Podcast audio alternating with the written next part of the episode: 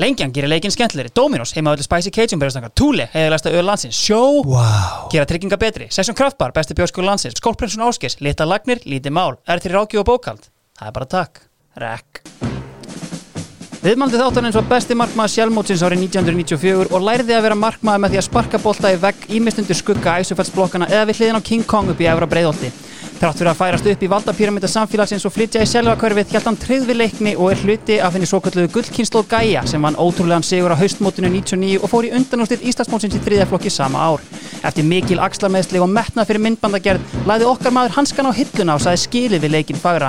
Á þeim tíma hjælt maðurinn þó áfram á mikilli sigur vegferð. Hann sigraði Dóra DNA í Morfís og var hluti af fjölvistarhóknum 12.0 í vestunarskólanum en áföllin voru á næsta leiti og eftir á tapaði fósettakjöri NFV með einu atkvæði gegn ljósmyndatrúnum Baldri Kristjánsinni og erfitt umtal eftir að hafa verið ásakaður um að hafa rænt efni við gerð auglýsinga fyrir FM 957 taldi okkar maður tímabært að taka hanskan af hillinni. Eftir erfiða byrjun þar sem hann kostaði efra breiðolti skrúðgöngu og hverfisháttíð er öll hans siguganga í lífinu vel dokumenturuð. Afreg hans frá þeim tíma þó ekki tæmandi talin eru besti leikmar eftir deildur árið 2011, þrefaldur Íslandsmeistari, tvöfaldur byggamestari, áttalegast á EM, varið víti frá Messi og verið máttarstólpi í The Great Escape hjá Lalla Gretas með afturrættingu í annari deildinni. Góði gestir, safe hands, Hannes Þór Halldórsson.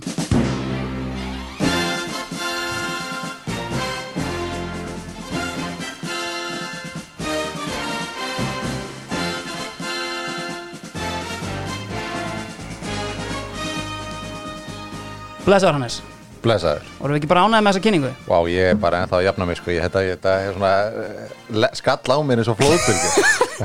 Sko, fyrsta spurning sem brennur auðvitað á mér og vantalega þjóðinni er auðvitað, er maðurinn heimskur? uh, Býtum við, hvernig hvað? Já, bara NFL, þessi morfi sigur, sko, ef við byrjum þetta bara utan fótboltan, svona í eina skipti, þú veist, ég meina, Emmitt. sko, þú veist, af mörgum sigurum á ferlinum, svona, hvað rankar það að vinna þarna MH með einu stíi, það er Dóra DNA að kenna einhvern veginn kenna. og þú veist, er þetta ekki bara eitthvað svona, þú veist, ég spyrði það eftir út í eftirminnilegustu leikina, en, en þessi hlýtur nú að vera ofarlega á blaði.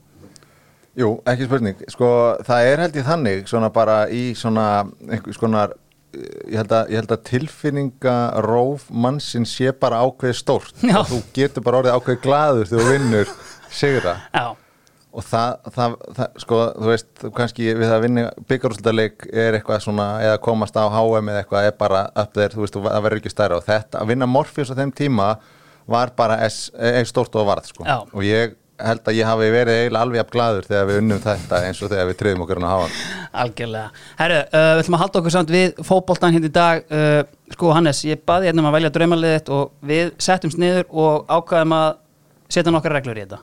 Uh, og bara svona til að halda þessu fersku og lifandi og vera ekki með kára rakka og gamla bandið einhvern veginn í þessu, þá ákvaðum að njörfa þetta bara við íslenska boltan. Já, það er skemmtilegra. Ég held það og hérna, eigum við ekki bara byrja ef við förum bara, veist, hvaða leikkerfi hérna, Valdur? En þú veist, þá erum við bara taka, þannig að við bara höfum reglunar hreinu. Já.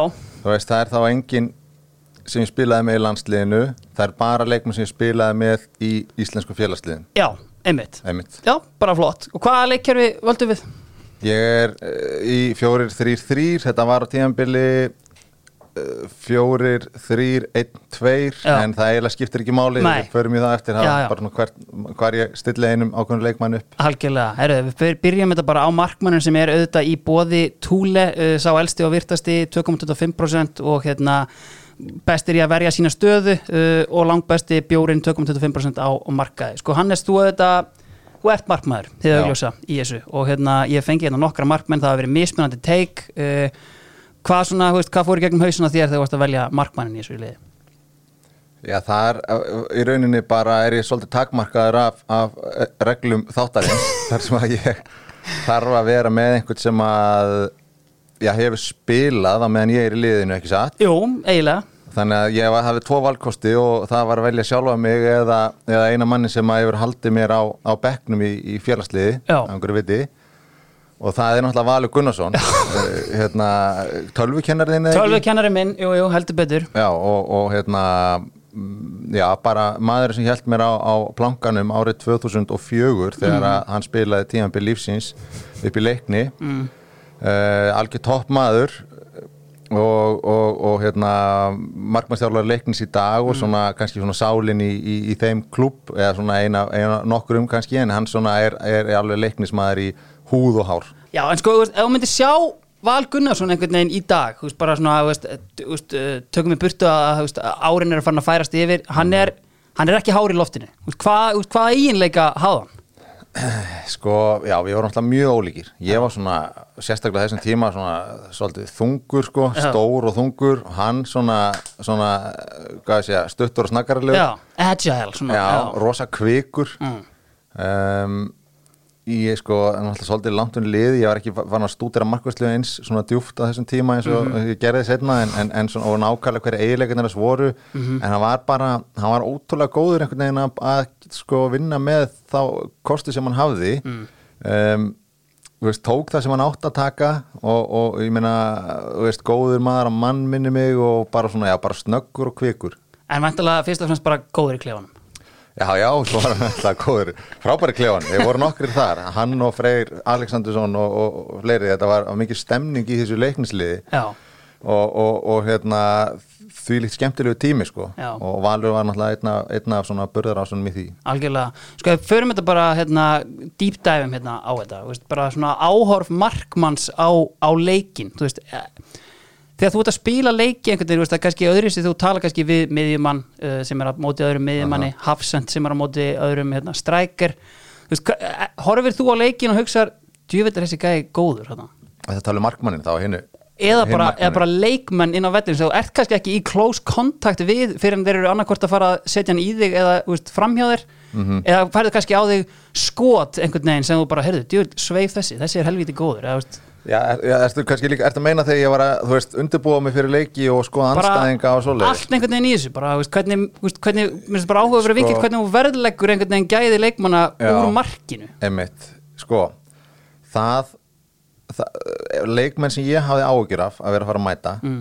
það voru gæjar sem voru með svona skot sem að flöktu Mhm. þú veist, það voru ekki allir, það er ekki allir með þann hæfileika sumir eru bara með einhver svona skrýtnar eða svona innafótaspinnu sem er bara plasera. Já. en það, er einn og, eru einn og einn sem að geta sett ristinu þannig í hann að hann er bara út um allt á leiðinni. Og er einhvern veginn alltaf þá veist, þá er alltaf svona framöndan háler frá markmanninu með að vera inn það er málið, af því að sko sjónarhótt kamerunar eða stúkunar greinir ekki þetta flögt, Nei, skilur það já. er bara sá sem er að horfa á boltan í bytni línu sem sér að hann er þú veist, það munar alveg helling sko, hvert hann, hvað hann, hvað, hvað hann lendir og setur hendurnar aður upp svona fyrir framan andlitaður Mhm. Já. og boltin fer 5 cm hægra megin við það sem þú ert búin að rekna með hann þá bara fer hann inn, skilur Já.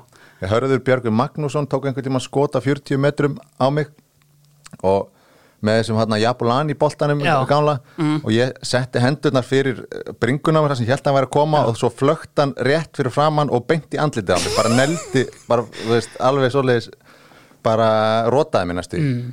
En að því þú minnst á þetta, sko, veist, í kringum svona 2010-is einmitt, Mhm. þú veist, þá veitum með einmitt, þú veist, þá verður svona einhver boltabilding og það er mikið talað um bara, veist, önnur hver frétt fyrir hérna sísón í eftir hörmulegi bolti er þetta, veist, Aha. var þetta eitthvað sem pæltir í og, og fannst fyrir og þurftir að aðlaga þig að eða, Já Eða var þetta bara væl? Nei, þetta var það ekki þetta er, það var mjög, það var erfiðar og erfiðar að díla við boltana já, en það sem að við þurftum bara að gera svolítið markmændi var bara að sætt okkur við það sko. Það, það var ekkert hlusta á þetta skilur og þetta gerir þetta leikin skemmtilegri Já. en þetta lætur li- okkur líta verð út. Þannig að þú þarf bara að gera svo vel og, og díla við þetta. Mhm. og ég meina þegar þú ferð til dæmis inn í stóra leiki, landsleiki eða eitthvað þá var alltaf boltarnir glænýr. Já, og það er svona húð á þeim. Og hanskar, nýjir markmannshanskar á móti nýjum fótbolta í bleitu, það er hræðilegt mats, Já. það er bara boltin er eins og honum hafi verið dýft og hann í matarolíu eða eitthvað, Mhm. bara sleipasta efni sem þú finnur, það er ekkert gripa boltanum, ekki neitt, já, þannig að ég reyndi alltaf að vera búin að nota þá allavega hanskana mína í 2-3 skipti já, sem er leiðilegt að því maður vill svona taka upp glæni hanska í leik og þú veist, ég hefði viljað það frekar. Já, Svo kynntist ég öðru einu triksi svona þegar að fór að líða á ferilin og það er að, að maka vasilínu á markmannshanskana. Ah. Það hljómar eins og, eins og það sé hræðileg hugmynd en það einhvern veginn er svona mínus mínus að verða pluss og það einhvern veginn nær betra gripi á þessum sleipu nýju boltum. já, þetta mega sens sko því að, þú veist, vaselín ennebla, veist, maður myndi halda að þetta væri mjög sleift og erfitt efni en, Mhm. en þú veist, ég á vini sem notuðu bara vaselín í hárið, þannig að þetta er ákveðin harka sem kemur með vaselínu Ja, þetta, er, þetta er alveg game changer sko. Og maður svona, þú veist, að það er hræðileg tilfinning tilfinning að fara út í uppbytun á leiðin í risastónu leik, tekur utan á boltan og það er bara ekkert,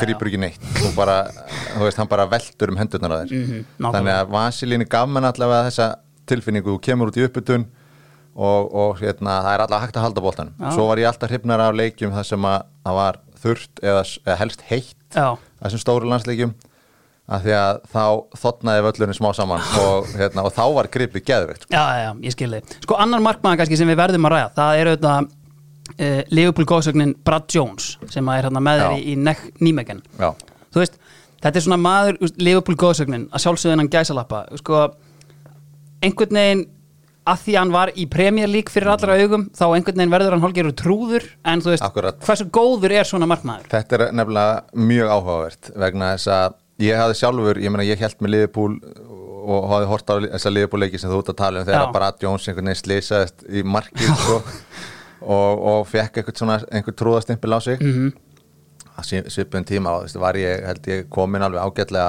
áleiðis í hvort ég hafi verið orðin landslýsmarkmaður eða eitthvað og þá, mér fannst þetta alltaf mjög áhugaverið samanbyrðu sko, veist, þetta level hvað þýðir það að vera ekki góður þarna Einmitt. og að fá það síðan bara svona alveg face to face var mjög áhugavert af því að hann er fáralega góður sko. Og hann var miklu betri en ég. Um, og hann kemur hérna í næmekken þegar ég fyrir á axlalið já, og var búin að vera í algjör brasi með sinn feril, það var lítið búið að vera frétta og þeir svona ákvaða veði á hann. Og hann alveg sprakk út hjá okkur sko, og var bara að gera fyrirlið eftir nokkara leiki. Uh, Næmekken átti mjög gott áratna enduði með fimmtasætið eitthvað. Mm. Og hann var keiftur eftir það í Feyenoord -hmm. þar sem hann átti held í 2-3 frábær ár Já. og var örgulega fyrirlið þar líka eitthvað var það allavega meistari og þeir elskuðu hann þar og hann fór þaðan hvort hann hafi ekki farið þaðan til Sáti Arabíu og bara, þú veist skellilegandi alltaf leginn í bankan sko, búin að vera þar í nokkur á algjörlega en hann, en hann var allavega, þarna sá maður þessi gæði þetta level, þú veist, þarna, þú veist í, á þessum stað, Já. það er helviti hátt, er það er alveg, þetta, þeir eru mjög góðir sem eru þarna uppi Algjörlega. Herru, færum okkur bara upp í, í vörnina og vörnina er í bóði sjóvá sem að verja þig fyrir tjónum og alla þá sem að þér koma uh, langbestir í því og hérna hafa staðið sér frábælega. Ef við byrjum þetta bara á hægri bakverðinum, Hannes. Voru margir sem komið til greina?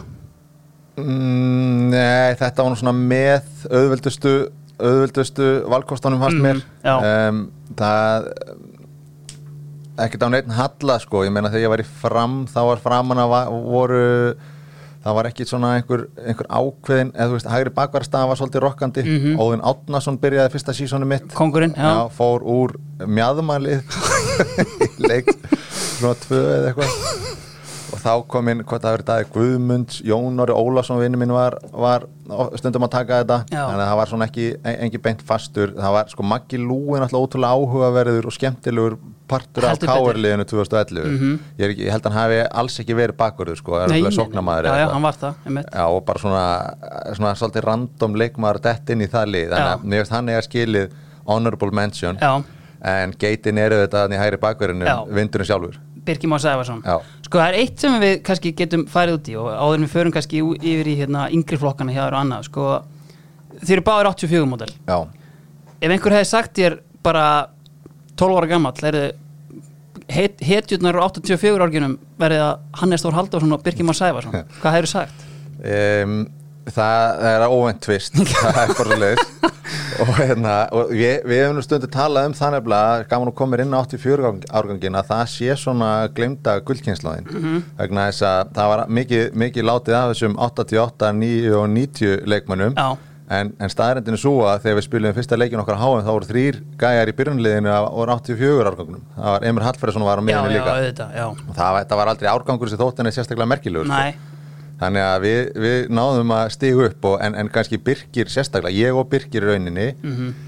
vorum, ég held að Emmi hafi alveg verið svolítið svona, svona veist, líklegur til afreika alltaf, Mhm, já. en Birkir mann ég var það alls ekki sko. Það, þegar var, var, það var eitthvað svona úrval þegar vorum 15 ára á leiðinni í fyrstu mögulu fyrstu landsliði sem var 16 ára þá var tekið eitthvað svona úrval sem Maggi Gilva Já. valdi á laugatni, Já. alveg bara haugur á leikmönnum þar með minnir að Birkir hafa ekki komist ángað Já. og ef hann hafa komist að maður hafi svona, reik, svona reikið upp stóra auga að sjá hann það var einhver tíma, einhver tíma var hann svona að detta inn Já. en hann, ég myndi alltaf eftir þessu andliti úr yngreflokkunum og hann var aldrei neitt spes Nei. Valur náttúrulega gat ekki mikið á, á þessum tíma heldur betur ekki og svo var ég, ég komst ekki inn í þetta úrval þarna í fyrsta rönni 15 ára Mhm.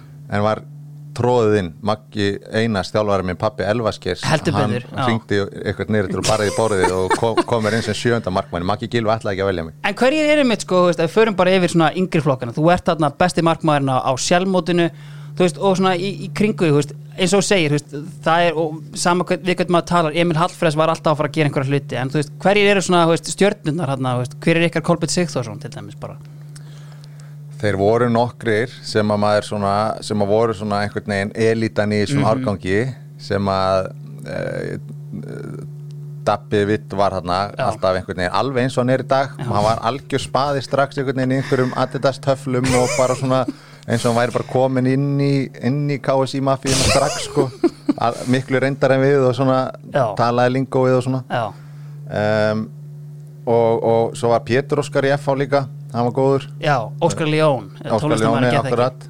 Um, Kristján Vald, fylkismæður Já, hann var, hann var mjög öflugur. Mhm. en svo kannski skærasta stjarnan var mögulega Gunnar Hilmar hérna íringur kongurinn, bomba. Já, já, Gunnar er Hilmar Kristinsson. kóngar í þinni bók Já, en, þú veist, þetta er mesti kongurinn þetta, svo þessi fært í bókar. Já, hann var held ég, hvort hann hafi ekki verið valinn besti leikmaður sjálfmótsins Já.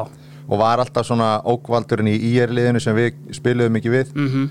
Um, og, það þurfti alltaf að komast í gegnum hann hann var þarna, þú veist, átti eiginlega miðuna Mhm. og var svona holning á hann með kassan úti og svona attitude í honum og svona Já. og hann endaði að spila eitthvað í úrvasteldinni í keflaðið mig Einmitt. þannig hann var, ég myndi, ég held að þetta sé alveg svona nokkuð gott svona en svo voru við náttúrulega með nokkra í leikni sko. Helgi Ólafs. Vigfús Arnar Jósefsson voru, þetta voru, þetta voru hörku leikmenn sko. Mhm. við vorum með fínt lið Og þið verðið þarna einmitt haustmótsmeistara, hvort það er ekki bara back to back sem leiknir tekur haustmóti þarna, veist, meina, þarna eru kannski yngri flokkar leiknis ekki mjög hátt skrifaðir, en þú veist, eru bundnar einhverjar vonir við svona yngri flokka í leikni eða þú veist, er bara haldið úti starfið þarna og þú veist, Þetta var alveg, alveg sérstakur árgangur svolítið, þú ert náttúrulega að gleyma fyrsta Íslandsmeistartilli leiknis árið 1994 Já. þegar við verðum, verðum sjöttaflásmeistara já, já, já, já, einmitt, þegar hérna, við tökum, en málið er það að Maggi Einars, aftur, pappi Elvaskis hann var fengir hann inn þegar ég var í svona sjönda, sjötta flokki eða eitthvað. Kemur hann úr framheldi og hafi verið að þjálfa eitthvað, eitthvað um, úrlingarlandslið Mhm. og þetta var rosalegt sæning hjá leikni sko. af því að þetta hefði alltaf bara verið einhverju gæjar í öðru flokki að þjálfa, Já, já, já. þjálfa veist, okkur fyrir það Mhm. og Maggi kemur í KSI úlpu með svakalegt svona svakalega vikt þetta var svolítið bara eins og það lassmætti hérna bara í, svona mín útgáða því sko Mhm.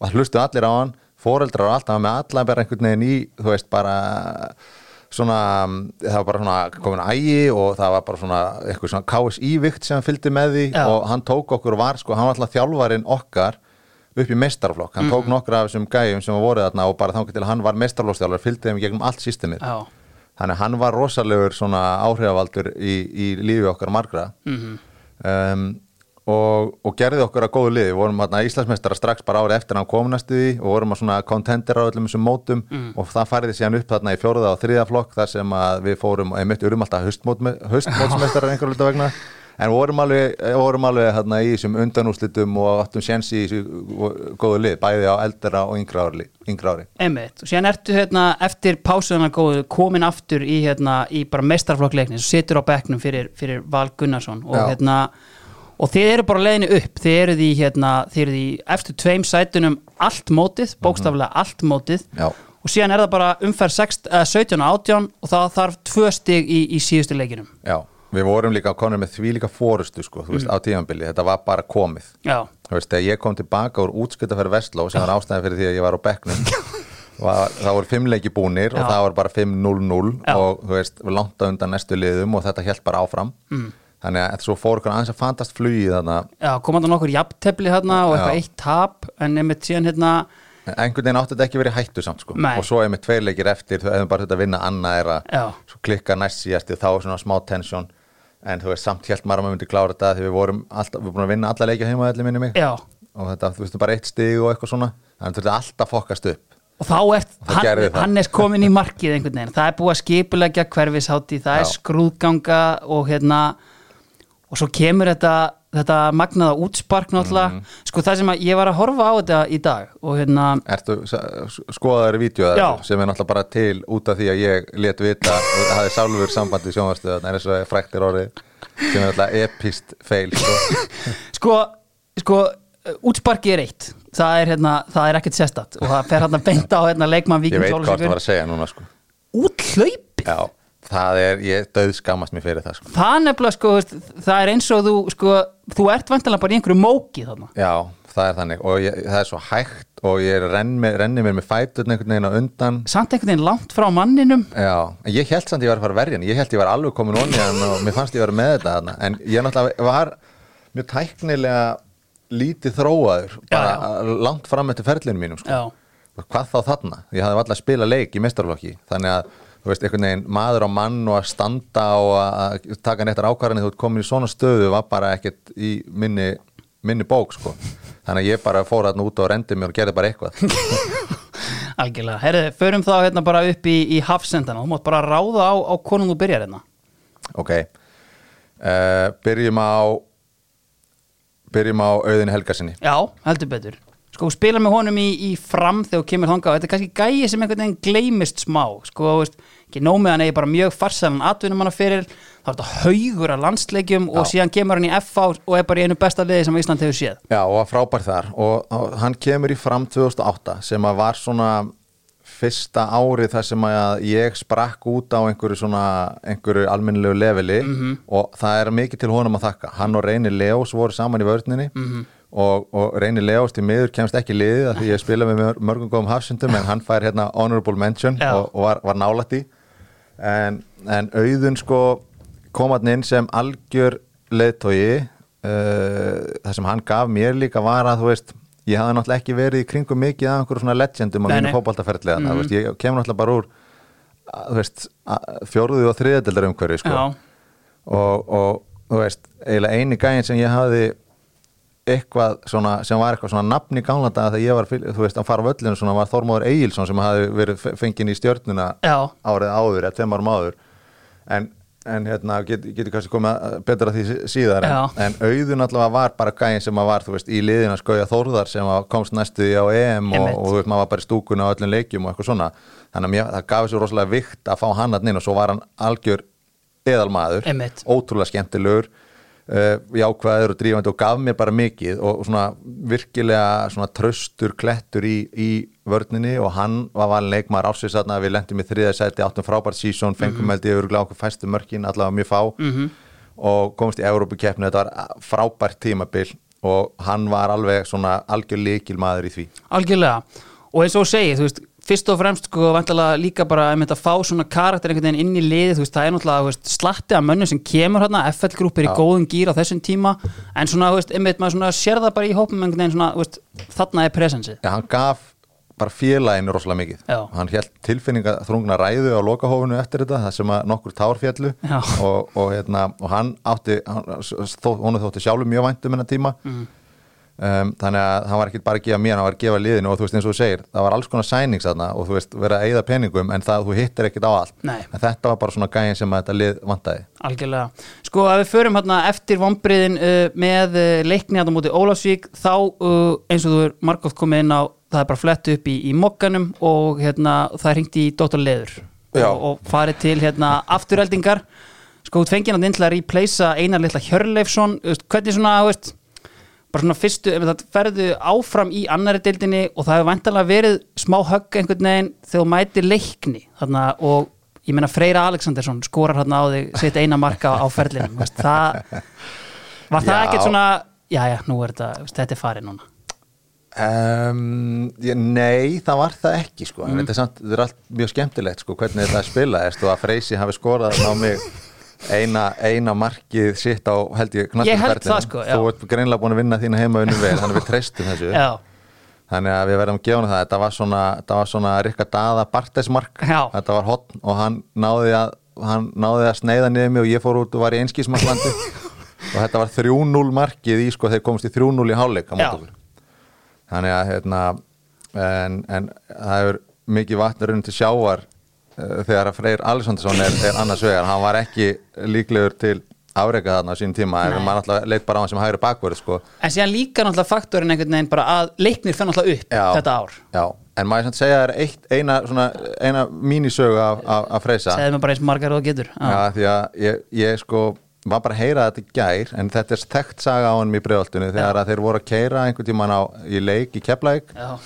og, og freys, það var, það var tvísýn með hvort að leikurinn, eða það var eitthvað vond veður og hérna freysi á leiðinni að, á brautinni skrúa niður rúðuna, sleikjar þessu puttan stingur honum út og segir neða stráka það er ekki séns að þessi leikur spilað það er alltaf mikið rók og hann var ekki að grína sko.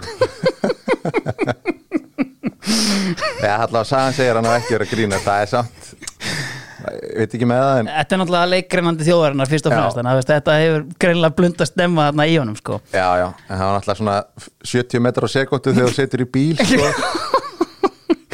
en Einmitt. tók það ekki inn í reikningin En þið eru þetta í bölvuðu brasi þarna í, í Mósfellsbænum einhvern veginn uh, Já. Dr. Leður fær stígvélið þarna leðrað stígvélið einhvern veginn og er rekin og hérna og inn kemur náttúrulega bara góðsögnin Lalli Gretars Já, og, við verðum samt að gefa sko, Dr. Leður verður náttúrulega að fá smá sjátt frá mér sko, það var hann sem að veðjaði á mig þarna og það var bara, ég veit ekki hvað át af hverju mm.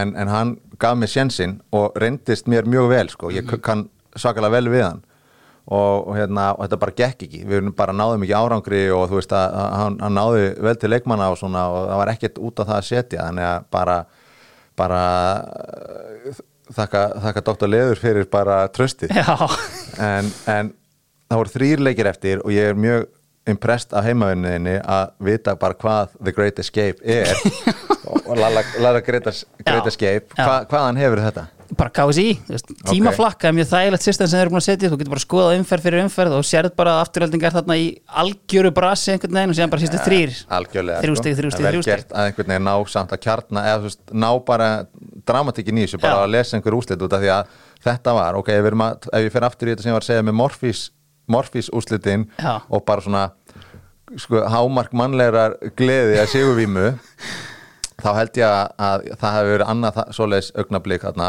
þegar við vinnum tindastól úti í næst síðasta leik. Já, vegna þess að það var bara eitthvað eftirminnilegasta sem ég hafði upplifað bara lengi eftir þetta.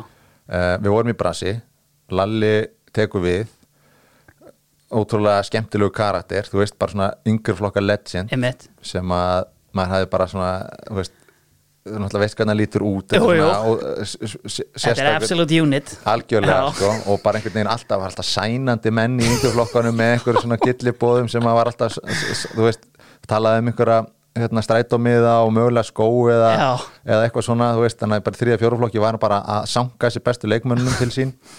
Fánulega góður yngjurflokku þjálfari sko. Hafði aldrei verið með mestralokkaldi og tók hann við og það gerðist eitthvað, við unnum allavega leik fyrsta leikin sem að var að stjórnaði 2-1 Mhm. á heimaðalli og þá fórum við út í eiginlega úrslita leik á móti tindastóli Mhm. sem að við verðum að vinna og það komu þarna strákar úr hverfinu, tóku rútu þarna niðurittir, þannig að það voru krakkar frá afturheldingu í stúkunni einhvern svona hópur, svona hópferð og svo unnu henni leik 2-0 og ég man ég átti alveg súper leik þarna og, og svona fann, þetta var alveg svona stór partur af því einhvern veginn svona sjálfstörsti var að byggjast upp í geta orðið góðu markmaður sko.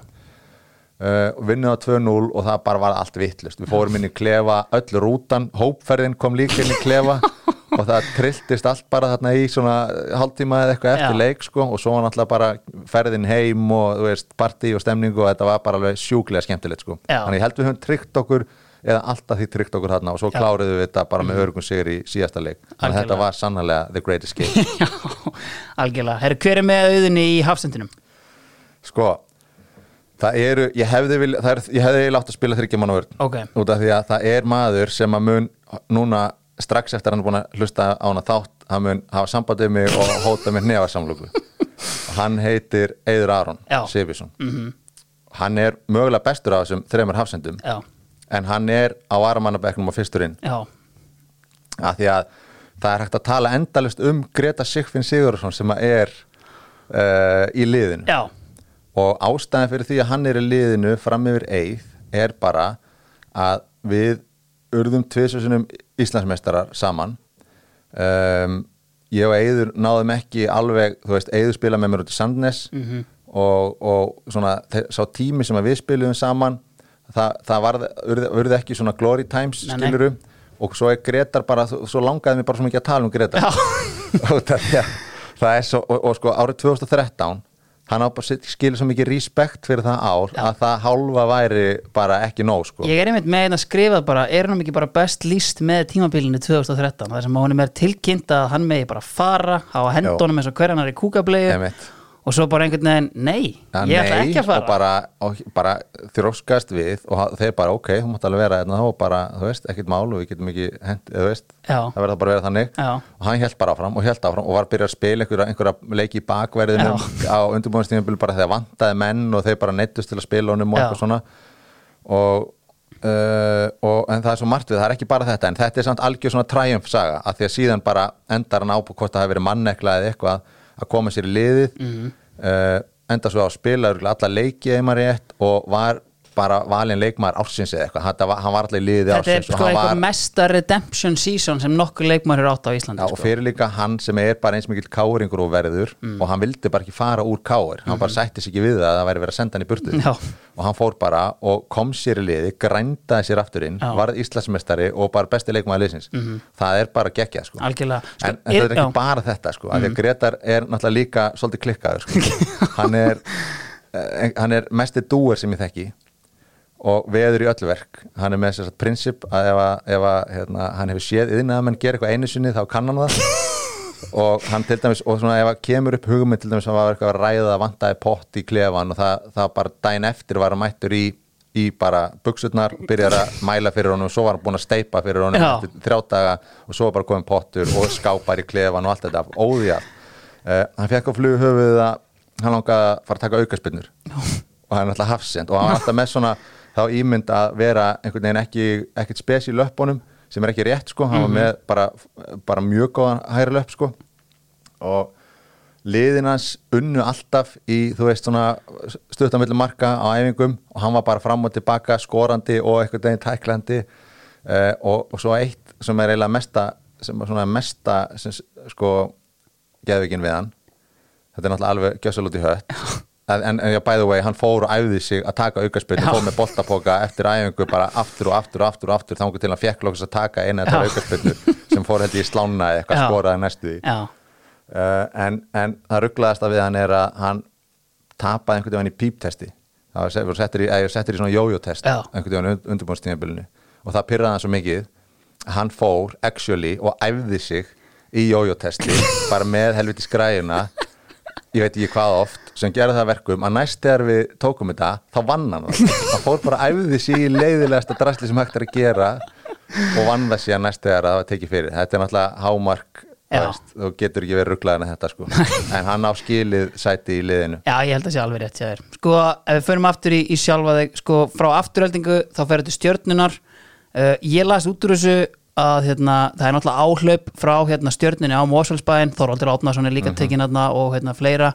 En þið spilið hérna leik við stjörnuna þegar þú ert í afturöldingu 0-0 leikur. Var það atvinnu umsókn eða þú veist, heldur þér hafið svona Já, herru, þetta er alveg markmaður. Eða hvernig fer þetta Nei, stjörnunar? það er ekki, að þetta var snemma, snemma á, á tímabilinu ef ég maður rétt. Já, það var í fyrir hlutanum. Já, og að þessum tíma voru þeir með Alla Knútsson í markinu Já. Mhm. og Alli Knútsson var náttúrulega bara legend og þeir hafði enga ástæð til að vera að spá í einhverjum gæja í afturöldingu sem var að spila fjórða leikin sinn uh, þannig að ég held að það hef ekki skipt miklu máli en, en mögulega setnileikurinn að því að það var á, hann var á gerðugrassinni á þeim Mhm. þeir unn okkur endar 3-1 en ég man að eftir þann leik sagði Dr. Leður við mig að ég væri að verða eitt besti markmaður landsins já og þá var ég bara búin að spila einhverja 12-13 leiki í, í annar Það já. það var alveg, það satt alveg í mér sko, það var góð kvartning og, og það hlýtur að, hafa, að segja manni það, ég, hef, ég átti góðan leikarna sko. Já, og ég man eftir einhverjum svona, einhverjum vöslum í, í þeim leik. Um, þannig að það getur vel verið að það hafa hjálpað til þegar ég síðan já. eins og, eins og áður og bara reynda að selja en það að ég geti komið að spila fyrir á það er sko að Jörundur Ági er það ekki sem er að þjálfa þarna. Og veist svona, þetta stjörnulið sko, veist, einhvern veginn veist, þetta er eiginlega bara svona backbone af því sem verður síðan setna meir, veist, sástu alveg þarna að þú veist, þetta geti orðið lið til að gera einhverja hluti að þú veist, voru þetta bara venjulegi gæjar, basically í fyrstu deild Getum ekki sagt það að maður hefði séð fyrir að þeir eruðu, þú veist, þetta lið sem þeir þú Mhm. veist, Íslandsmeistarar og bara eitt af þessum svona stóru, hvað ég að segja, fjóru, fjó, fjórum Mhm. Big stóru. four, já. Uh, allavega svona tímabili. Sko, Danni Lax kom aðna inn á undirbúinustímabilinu óvænt, fannst mér. Við vorum með uh, Valdimar Kristoffersson, Mhm. sem að var líka gamall legend úr úrvastildinni. heldur betur Uh, og svo var Þormóður Egilson fenginn inn sem var, sem var huge Já. signing uh, og það var fyrir mig, ég skal bara í, í njánum við að hitta mannin sko. Ég hann var, hefur verið sko færtur eitthvað svo leiðis Já, eitthvað svo leiðis Ég var náttúrulega sko K.R. Hérna, sjúkur þegar ég var yngri og Já. var á K.R. til svona 12, 13, 14 Mhm. og þar var náttúrulega móði kongurinn já, svo ég vitni þig. Og hérna og hann kemur hérna og það var ekkert smá gaman að fá svona alvöru, alvöru lurk þarna inn. Mhm. en hann síðan lendir í því, hann spilaði eitthvað á undirbúinstíðanbylnu og svo hérna ristabrotnar hann, það fær hérna Rúni já. brotnar. En hann átti bara að spila. Já, já, hann var hérna bara að spila og við náðum vel saman og þetta bara var, var mjög, hann var algjör eðal náungi sko. já, Uh, og ég held einhvern veginn í minningunni að hann hefði spilað halvt sísón en svo var ég að fletta þessu upp og hann spilaði ekki nema eitt leik í deildinu, kom tilbaka eftir í nýjunda leika eitthvað. Og svo veit ég ekki hvað gerðist eftir það. En, en valdi allavega spilaði 21 leik já, og Danni Lax kom inn óvænt, maður reiknaði ekki, þú veist þetta var bara gaur úr öðrum flokki eða eitthvað svona sem maður var ekkit sem maður var ekkit spánið þannig í. Kom sér inn og bara svona, heyrðu, hann er bara að standa sig þessi og svo bara spilaði hann allt sísonið og gerði það bara drullu vel og var bara fáranlega góður. Hefur gert það síðustu bara 16 ár sko. Já, þannig að það var svona gaman að fylgjast með því verða til. Sko, Halldór Orri, hann ekki Orri hérna? var hann líka og, ég man ekki alveg hvort að það gustaði ekki alveg eins mikið honum eins og Danna Lax á þessum tíma sko, hann var bara svona hæfileikar ykkur ungur leikmaður sem að maður veit aldrei. Það er alltaf svona já. fjóri, fimm svona úr öðru flokki sem að eru partar á hópnum og maður veit aldrei hver að þeim einhvern veginn verður. Já, þú veist, einmitt, næra, nei, já, ná í gegn sko. Og hann var einn af þeim hópi minni mig, Mhm. en, en gerði síðan bara vel úr sínu. Mhm. en þetta var sko í fyrsta skipti sem ég uppliði einhvern svona standard af einhverju viti í Ok. Að gerði samningu félagið Já. og fekk hanska og einhverja einhver þúsund kallar borgaða og það var þú veist hérna, Jöri var hérna, svo var aðstóðþjálfari og, og, og markmannstjálfari og þú veist styrtaprógram Já. og, og svona fyrsta dild og þetta var svona þetta var fyrir mér var, þetta stekkaði mjög einhvern veginn. Hvað ég algjörlega segja, mitt svona, já, ég veit það ekki, svona upplifun að, þú veist, að, að ég, ba- ég þekkti ekkert nema svona neðri delta bolta já, einmitt. Herru, hver er lokar vörnin í, í vinstri bak? Í vinstri bakverði sko, ég, ég spáði mikið í Káringunum tveim, Gunnar Þór og Mumma. Mummi átti náttúrulega ótrúlegt tímabilarna 2011 Já. það sem hann, það sem hann þrætti upp og niður kantinn bara eins og hann síndist Já, bara besti leikmaður fyrri umferðarinnar og bara veist, úr vinstri bakverði sem að verður að teljast í tíðinda sko. Já, hann og Óskar Örd saman á vinstri, vinstri, á vinstri kantinum er náttúrulega það er náttúrulega dýnamist dúó sko. Já, uh, en Gunni Þór góðvinni minn, já, ég er svo mikið aðdáðandi hans Mm. af því að hann er svo solid leikmaður Já. og hann, hann náttúrulega átti sko, það átti að veðja á hann sem bara vinstri bakverð landslýsins þegar að það var eiginlega gat þar ég held að Egil Sverrisson hafi verið með liðið Gunni var að spila í Hammarby Mhm. hann var búin að spila þrjá landsleiki stóra, alla risa leiki þú veist, út á móti Spáni og Já. eitthvað svona og, og þá held ég að nýða á hann hafi gefið sig og hann, er, hann var bara svona, svona rock solid varnamæður og, og fáralega góðan skrokk og, og ég var að fara að setja Gunna Þór í liðið þó að það sé eiginlega fáralegt gagvart uh, mumma. Já, um, mögulega er ég hlutræður að því að, að því að dætur okkar eru góða vinkonur og við erum vinir og við hittust okkur og erum, erum þarna hittust svona þrisa fjóra sinni í viku sko. Já, en ég þarf ekki að ágjöra því vegna þess að hann, hann komst heldur ekki í af því að svo myndi ég eftir Jónu Gunnar Fjólusunni einmitt og Jón Gunnar Fjólusson verður að vera í þessu liði vegna þess að ég spilaði með honum 2009 mm og hann var eitthvað svona eitthvað svona býst, skilur, eitthvað svona hæfileika sem maður hafði ekki kynst áður. Og, og þetta var eiginlega þannig sko 2009 þá eh, var, veitum við, Reynir Leós farin eða ekki? Jú, komin í val. Já, og, og hann hérna auðun Helga ennþá að spila. Mhm. og Jón Gunni var komin í hafsendin. Og Jón Gunni varð svo góður á svo tíðanbili að hann varð eiginlega bara svona svindlkallin okkar Að þá var Jón Gunni færið framar á miðuna og okkur vantaði alveg desperillu mark hann var bara settur fram Já. og hann var skorur á öllum mögulegum aðstæðum. Uh, bara einhvern veginn misti ekki boltan að miðinni, hann, hann er með svona skrokk sem er líka, hann hefur orðið góður í öllum íþróttum sko, hann hefur orðið, getið verið hástakværi Það er svona sveitastyrkur hann Já, en svo er bara svona, hann er svo flott það er svo flott shapeið á hann þú veist, hann er svo ógeðslega vel mótaður á náttúruna hendi. Veist, hann getur verið geggju skitta í handbolta Já. eða bara kauruboltamaður eða eitthvað hvað sem er En þetta er einmitt skilur að þetta er, þetta er svo rétt sem þú segir, þetta er bara svona, þú veist, ef ég ætti að smíða einhvern veginn fótboltamann, þú veist, Já. þá væri það skilur gríst guð með eitthvað að lasna vinstri löpp og skorar sko myndböndin hérna, þú veist, bara og mörkin sem framskorar á þessu tímabili Mhm. Þetta er oft hann bara að dútla fyrir framann tegin, taka Já. skæri og hælspinnur og þetta er bara Einmitt. ótrúlegt að horfa á þetta það, það, var- það varði eitthvað svona fenómenon til fyrir framann augunáman fannst mér sko, Já. hann var bara ok, þessi gæi er á leiðinni eitthvað stórt, en það held ég að hann hafi kjölfarið á þessu verið seldu beinti Belgíu, það ekki sem Jú. gerist náttúrulega aldrei, Nei, það er alltaf milliskrefið, Já. en hann fór bara eftir þetta sísón beinti Belgíu og hann var bara alveg sjúklega góður hann og er búin að vera í atvinnum sko síðan og ég veist, þetta er svona einn af mörgum gaurum einhvern veginn svona í kringum íslenska landsliði skiluru í eðlilegu árferð hjá íslenska landsliðinu þá á þessi gæi núna skiluru 33 já. ára svona 70 landsleiki ég menn hann var að spila í rúsnesku deildinni sem er náttúrulega mjög gott level og, og þú veist, emitt, ef að það hefði ekki verið bara fyrir einokun ragga og kára Já. þá, þá hefði hann bara átt fullt af leikjum og, og hann náttúrulega flottan, mjög flottan feril Mhm.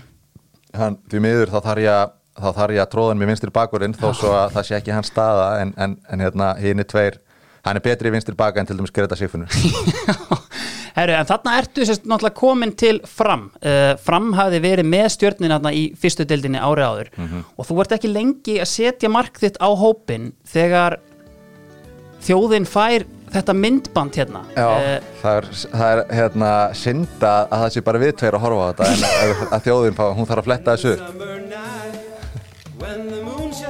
Sko þetta kemur út, uh, þetta er sett á YouTube í desember, 20. desember 2007 Ég meina, Þú ert bara ný komin aðna Er þetta bara þitt fyrsta verk að Já, strákar, nú hjólum við í Fly on the Wings of Fram Sko, ég man ekki hvaðan þetta kom hvort að yngvar Óla hafi átt hugmyndina þessu Já. eða eitthvað og hérna, þetta var gert fyrir fyrir uh, æfingaferðina, sínt á Ef að fá- ef að fá æfingaferðina droppið hérna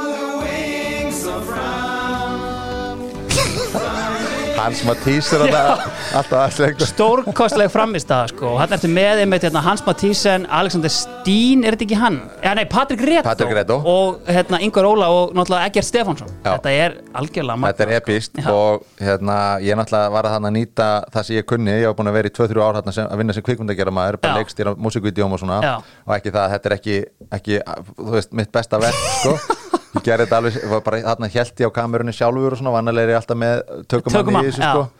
en, en hérna, þetta var metnað fullt samt fyrir eitthvað, eitthvað lokahóf í æfingaferð Já. og gjössanlega sló gegn. Óli Þórðar elska þetta. Það er bara svoleiðis, En það er þá einmitt- var, þá tilgangunum náð. Og Hóli Þórðar er einmitt að, hérna, að þjálfa þetta og hérna, hvað hérna, þú veist, einmitt til að koma upp uh, í úrvalsteildina svona hvernig er uh, hvernig líst þér á einhvern veginn klubbin þú veist, þetta er náttúrulega búið að, árin áður en þeir falla bjarga sér í loka umfenn einhver átta ári röð, veist, að fara í fram veist, hvernig tilfinningar voru það? Það var, veist, fyrir mig náttúrulega bara algjört meik, sko Já. það skipti engu máli hvað fram hafði verið að gera á, á undan, Mhm. veist, þeir voru með mér í fyrstu deildinni um, og bara langbesta liði þar Algjörlega. mér varst alveg nógu flott að vera að spila í fyrstu deildinni Já, uh, og hvað þá að fara upp í úrvasteld og fara í fram, þú veist með lið sagt, með þessa með þessar hérna aðstæður sem að mér fannst frábærar bara félagsheimilinir í Samýri og, og bara svona veist, klefarnir á öðrum standard en ég þekkti og, og allt við það auðvitað sögufræði klúpur þannig að mér fannst það bara, bara geðveikt sko. hvernig varst það að spila á laugadalsvelli? ég fílaði það ágætlega Mm um, ég var samt alltaf mér fannst alltaf potensial í því að völlun væri það sem hann er núna í Samýri Samherji. þú veist, að, því að það er svalir hérna á Jú, jú, sem að, þú veist, ganga út frá félagsheimilinu sem ég fannst alveg perfekt til þess að fyrir hún VIP já, þú veist, kalla hana til að standa þar og já, horfa á tuða en, en, og svo bara, þú veist, mér fannst þetta svona skemmtilegt svona, svona kompakt vallastæði mhm, þannig að, að ég hefði nú örgulega reynd, vilja sjá það gerast fyrir já.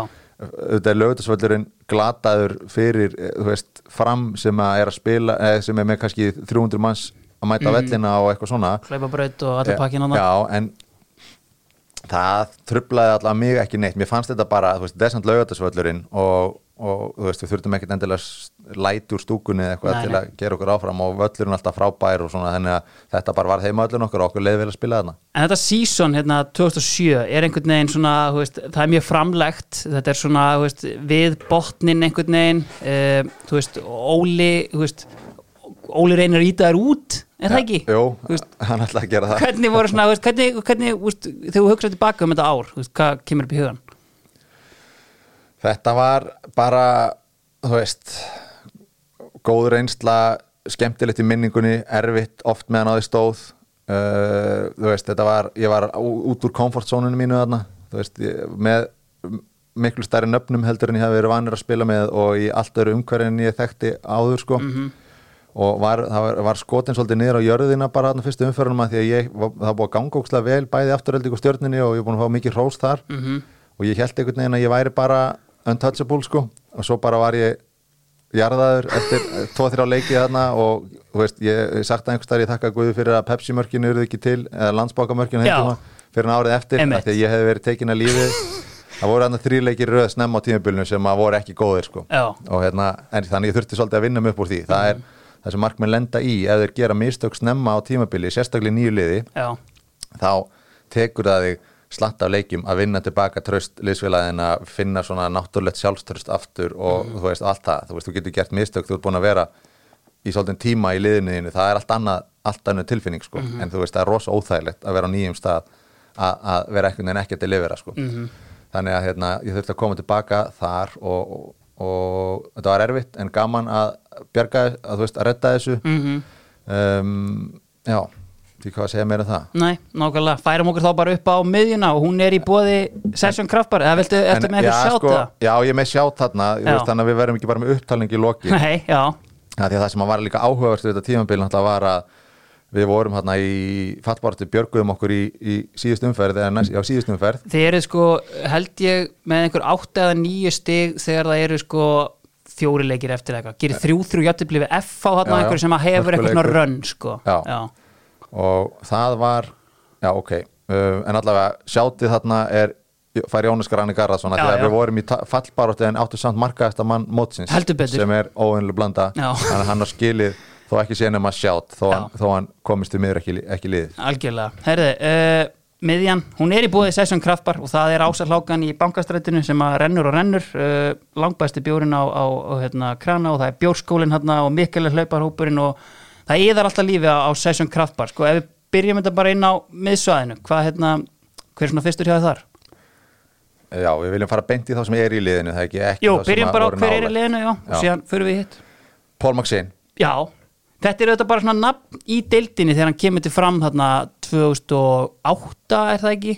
Jú, en hann hafði samt ekki allavega svona fyrir mér var hann ekki eitthvað nafn sem að var eitthvað svona þú veist Nei, hann var ekki með flashy þannig séð sko, og ekki mikið talað um hann þannig, en þú veist, Nei. hann er búin að vera á Íslandi í tíu ár hann hann var alltaf í Grindavík Já, einmitt. og, og, var bara, og þú veist þar var hann bara svona eitt af þessum nöfnum, þú veist, solid leikmaður. Já, en það sem að mér fannst gera síðan um, segðu mér eitt, var þetta 2008 eða 2009 sem hann byrjaði að spila fyrir okkur 2008 hann er sko 2007 þá hérna þá falla Grindavík og hann er, nei, er þetta ekki bara 2009? það er, það er allavega held ég tímabilið það sem hann sprakk út Já. ef ég maður rétt, eða setni hluti 2008 fór þetta held ég að gerast hjá honum Mhm.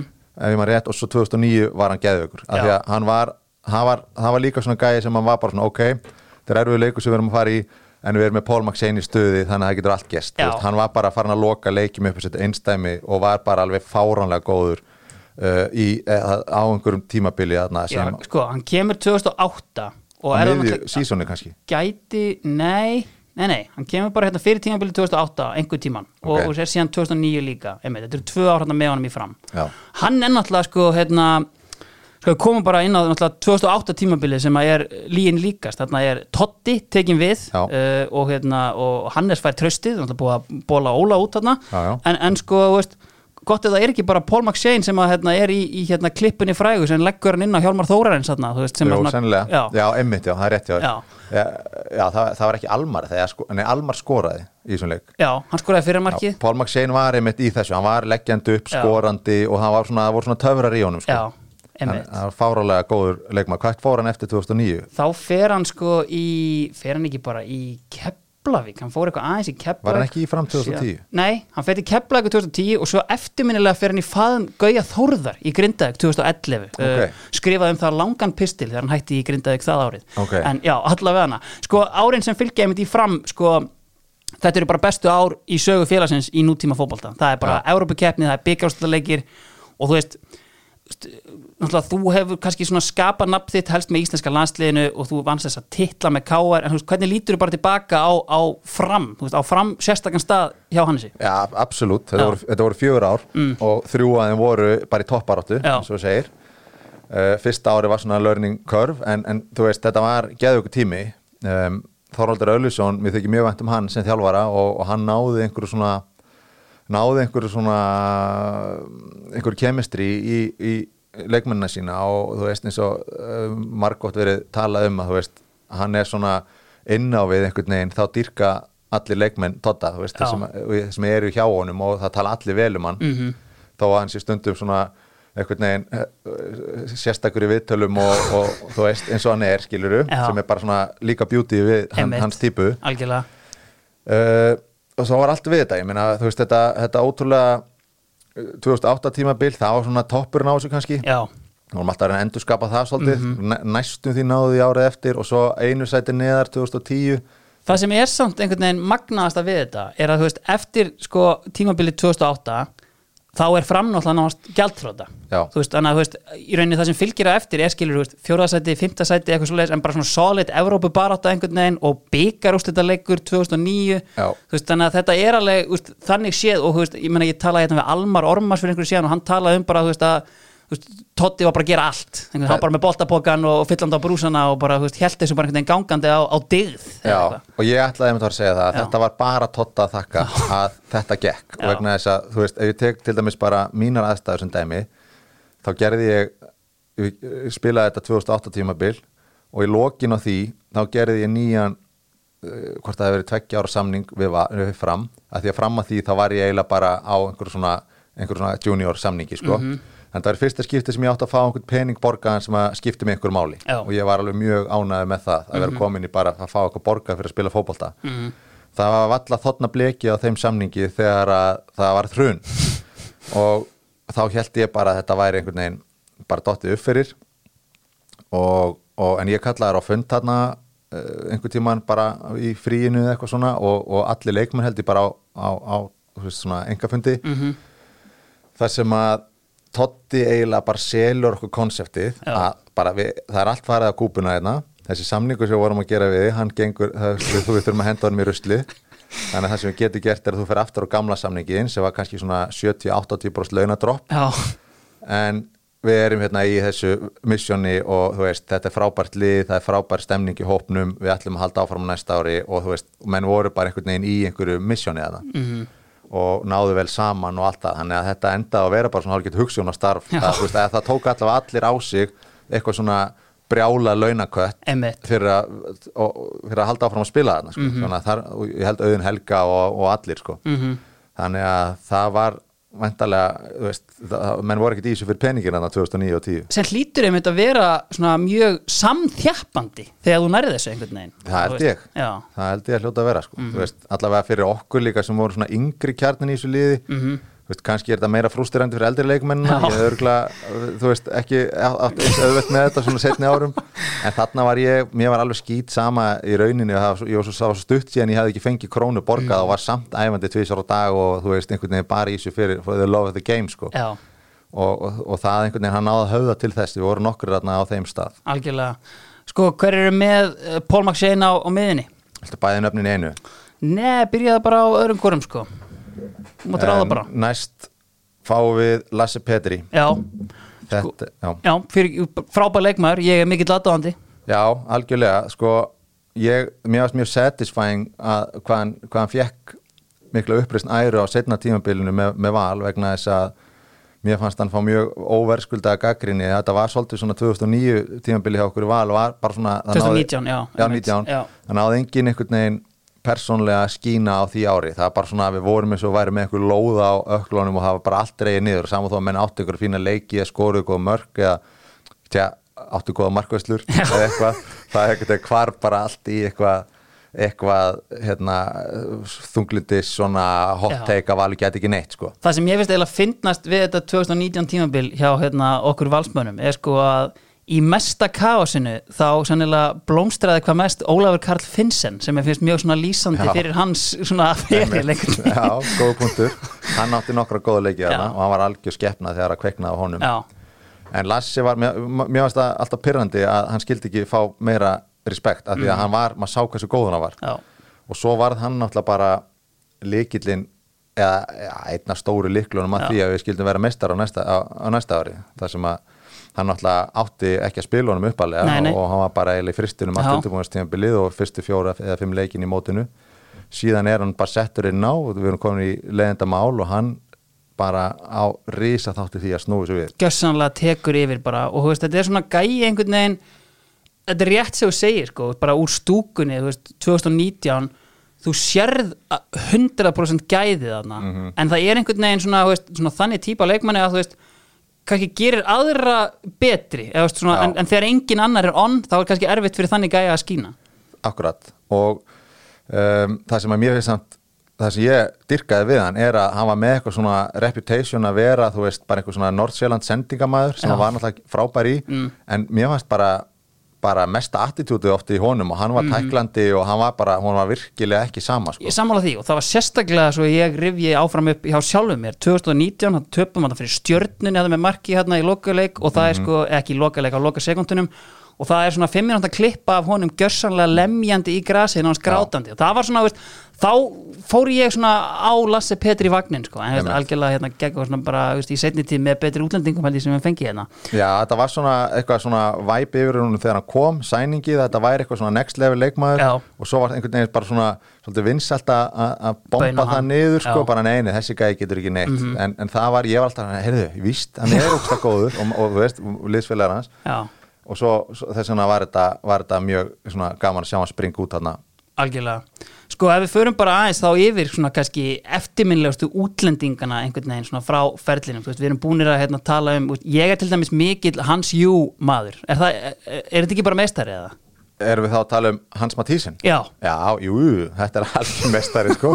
Hann var geggjaður, hann er með þykkustu kálfa sem ég á æfinni sé og bara góðu leikmaður og þú veist hann var farinn hérna 2008 ef maður rétt, hann, hann er partur af þessu skrautlega 2007 tíðanbili Mhm. Já. að fullta karakterum þar 2008 fer hann einmitt til Keflavíkur þar sem Já. hann algjörlega blómstrar hérna hjá Kristjáni Guðmunds í liðinu sem að vinna næstu því já. og þið hérna Já, hann er að spila í því liði. Já, þið rústið því náttúrulega hérna þegar þú Já. átt að fá rautt spjald hérna og hérna algjörlega, topp gæi en síðan er náttúrulega annar gæi, hvort hann kemur 2007-2008, það er Henry Nvosu já, hann kemur hérna uh, spilar held ég sjö mínútur já, og fer út af með slitið grósband þetta var náttúrulega alveg ævintýralegt mál.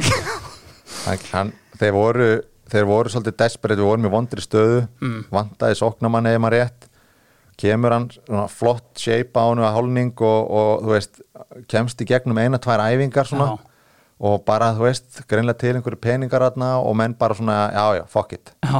Engin lækniskoðun eða neitt. Og bara beint í byrjunali beint í byrjunarlið og hann bara ég, það hlýtur að vera hérna, hann hafi verið með þetta bara veist, hann, ef, ef ekki farið á, þú veist, fyrir Já. þá var þetta hangandi á einhverju hári sko, liðbandi á honum. Og hérna og hann alltaf bara gaf sig eftir eitt sprett og bara, ég veit ekki hvernig þetta mál var settla þetta var alltaf Þetta er nefnilega sko, algjört fiasko. þetta er svona næsti bær við einhvern veginn svona Ali Dia, svona Premier League moment einhvern veginn, bara einmitt svona, þú veist, maður skilur ekki hvernig svona gæi kemst bara beint inn í byrjunarlið. Krísan hefur bara verið það mikil. Krísan var það mikil, ég man ekki hver var, var hann hlýtur að hafa sett tekið Jónas Grana á liðinu fyrir Það er heldur betur nákvæmlega sem hann gerði. Hann tók bara eiginlega eina mannin sem var að skora eitthvað þarna, ólíkt. hann bara, setta Já. hann á bekkin og Jónas Grani kemur hann inn á hérna eftir sjö mínútur sko. Já, það er náttúrulega rosalegt sko. markakongurinn sjálfur Það eru annar gæi sem að ég sá sko þú settir á blað fyrir mig og hérna, ég er mikill áhuga maðurum og það er hérna Henrik Litli Eggerts sko, Henrik Eggers, já. ekki litli Nei, var, hann, var, hann var vígalegur á velli. Já, og svona frekar glæsilegur mjög glæsilegur, Já, svona da, svalur Dani kaupmannhafna Dani. Einmitt, svona swimsuit model gaf hann upp þegar hann kom í val sko, en þú veist, Já, hann kom í val líka. Hann kom í val hann þegar allt var að fara í skrúuna og gjaldeirin var að hækka sko. Þá kemur hann í val hann að setni hlutu ást 2008 einhvern veginn og þú veist ég ætla ekki að segja hann hafi kveikt í hlutunum en, en svona margar sögur einhvern veginn á hann en þú veist, góður í fótbolta eða? Mjög góður Já. Ég var, Það var svona gæði sem að, veist hefði að spila lengur og, og ekki verið svona, svona of svalur fyrir, veist, bara þetta litla land sem að var að spila hérna. Þá hefði hann átt Jensi bara að taka eins og Lassi Petri bara, þú veist, stöði liðinu sko. Því að hann var svona algjör X-faktor, next Einmitt. level leikmaður. Maður fann alveg að þetta var gaur af öðru leveli að koma og spila. Og þegar hann nefndi sig og var bara on þá var hann alveg trilltur sko. hann tók hann svona nokkra leikja rönn það sem hann var, það var svona svipa ég var að segja með Paul McShane það var bara ok, Henrik er, er þarna við eigum séns í hennar leik. Og gæti alltaf búið eitthvað til fáránlega góður sko. það er sko mikið justice fyrir hann að fá loksins gott umtal hérna í þessum þætti Herði, hérna hann ég hef spurt hann alla út í hann og það er alltaf yfirleitt bara einhver steikt saga úr klefanum sem fylgir sko. ég hef Ok. aldrei okay. rauninni fengið að tala um fótboltamannin Henrik Ekkert sko. ok, ég, hann var alveg strækað mig ágætlega, en ég man bara þetta væp var bara að þessi gaur er of svalur fyrir þetta hún finnst þetta ekki nógu töff að vera hérna Já, já, einmitt, nákvæmlega Sko annar hérna gæi, kannski sem að, hérna, við hefum að tala um í, í kringum hafsendin sko, Arsenal samfélagi nötrar, veit því að Rís Veston komst ekki á blað þarna Hvað hérna, hvað bara, veist annar gæi sem er náttúrulega bara, veist vaksin eins og tröll einhvern veginn en bara, veist, hvað Já. vantaði eiginlega hérna við, þetta var 2012 eða ekki? 2012 kemur hann inn á að replacea vantanlega sko skúlajón Já, og já heyrðu, ég, það er náttúrulega dónaskapur að mér að hafa ekki nefnt skúla Jón aðan Já. af því að hann er einn á blaði sem honorable mention Já. við bara skautuðum yfir það en skúli Jón á alveg skilið að vera í þessu liði sko. Alveg svo Gretar, hann var hann var náttúrulega hæfileika maðurinn í, í teiminu sagt þar, Gretar skúli Já. 2011 en hérna alveg eins og hann setti mig ekki í liðið sitt þá setti hann ekki, í- liðið mitt og það var bara meira að ræða með, með hann hérna, með Greta Siffi algjörlega. En Skúli Jón var, var geggjaður þetta ár. Mm algjörlega. Og síðan en kannski Grís Veston Grís fyrirgefðu, já. það, miklar vonir bundna við hann. Já, þetta var hörku sæning og, og, og hérna hann átti bara undir högg að sækja.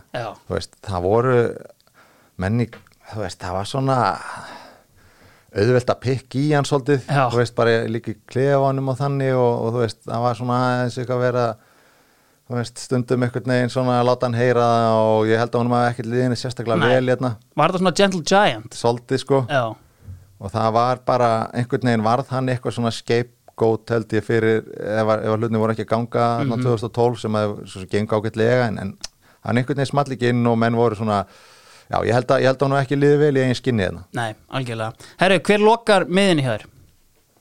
Herðu, við getum það, líka reynda að tekið bara hverjir aðri koma til greina en við lokum miðinni já, ok sko, um, næsturinn hefði verið Já. hann var, hann, mér veist leiðilegt að vera ekki með hann í liðinu Mhm. um, hann er bara þú veist, þetta, þetta þegar Haukur er on þá er enginn betri sko, Mm. þú veist, bæði að vera með þetta vopn í tegnum, svo er hann alltaf bara þú veist, eh, herra valur orðin um, góður löpunum, góður fótbolta skinsamur, ég, er bara dyrka að spila með Hauki, mér finnst Mhm. það aðeinslegt Uh, þannig að það tekum sárt að þurfa að geima hann á varmannabeknum en hann er alltaf inn, inn á 60. mínútu ef að Baldur Sigursson Já. er ekki að standa sig já, Baldur Sigursson er alltaf svipað leikmaður og haugur algjörlega um, og, og þar kannski er bara það sem trompar, þú veist, haug það er kannski bara þessi það er þessi svona einhvern veginn það eru aðeins meiri mörk í honum til dæmis úr opnum leik í Baldri. Já, ég um ætlaði reyndar að fara að segja bara eitthvað svona nostalgíu tilfinningar sem Já. að tengja við káir tíman sko. En, en hérna en Baldur er náttúrulega rosa kraftmikill svona box to box þú veist, bara algjört nöyt þvílíkt hérna hugafarið alveg upp á tíu bara gæi sem ger vinnuvinnu sína samt karakter kemur líka inn og lætur sér heyra á gustar ánum um, líkil maður bara í þessu þessari velgengni okkar hérna uh, á þessum þreymur árum í Káir bara, bara indislegu maður líka. Og, og þú veist er alltaf í, alltaf í mínu liði sko. Já, þetta er einmitt svona, veist, ef ég hugsa þetta bara, veist, einhvern veginn og bara, veist, bara horfir á leiki með káir frá þessum tíma, veist, þetta er bara svona, ef ég ætti að smíða miðjumann fyrir íslensku deildina, Já. þá myndi ég smíða Baldur Sigur. það er nefnilega máli hann er bara, svo er hann, þú veist húnvetningur líka, hann, hann er með það element Já. í sér, bara svona bónda Já. svona grænt hugafarið þú veist, það er bara allt einhvern veginn rétt við hann fyrir íslensku deildina eins og segir Einmitt. bara sterkur, erfitt að eiga við hann mest alltaf vond að spila á mótunum Mhm. -hmm. það er endar annað með haug líka það, það pyrraði mig alltaf að spila á mótu haugi mér varst það bara svona ég fegin að vera með honum í liði þegar það gerðist loksins sko, að hann djöblast í manni í einhverju skallæðin Já. og bara svona góður og uh, svona gusta á honum þannig að þú veist, mjög tveir, þú veist svipaðir leikmenn að mörgu leiti hugafar, upp á hugafar að gera og allt þetta Mhm. þegar hann algjörir leitógar en Baldur hann, hann hérna, sleppur í liðið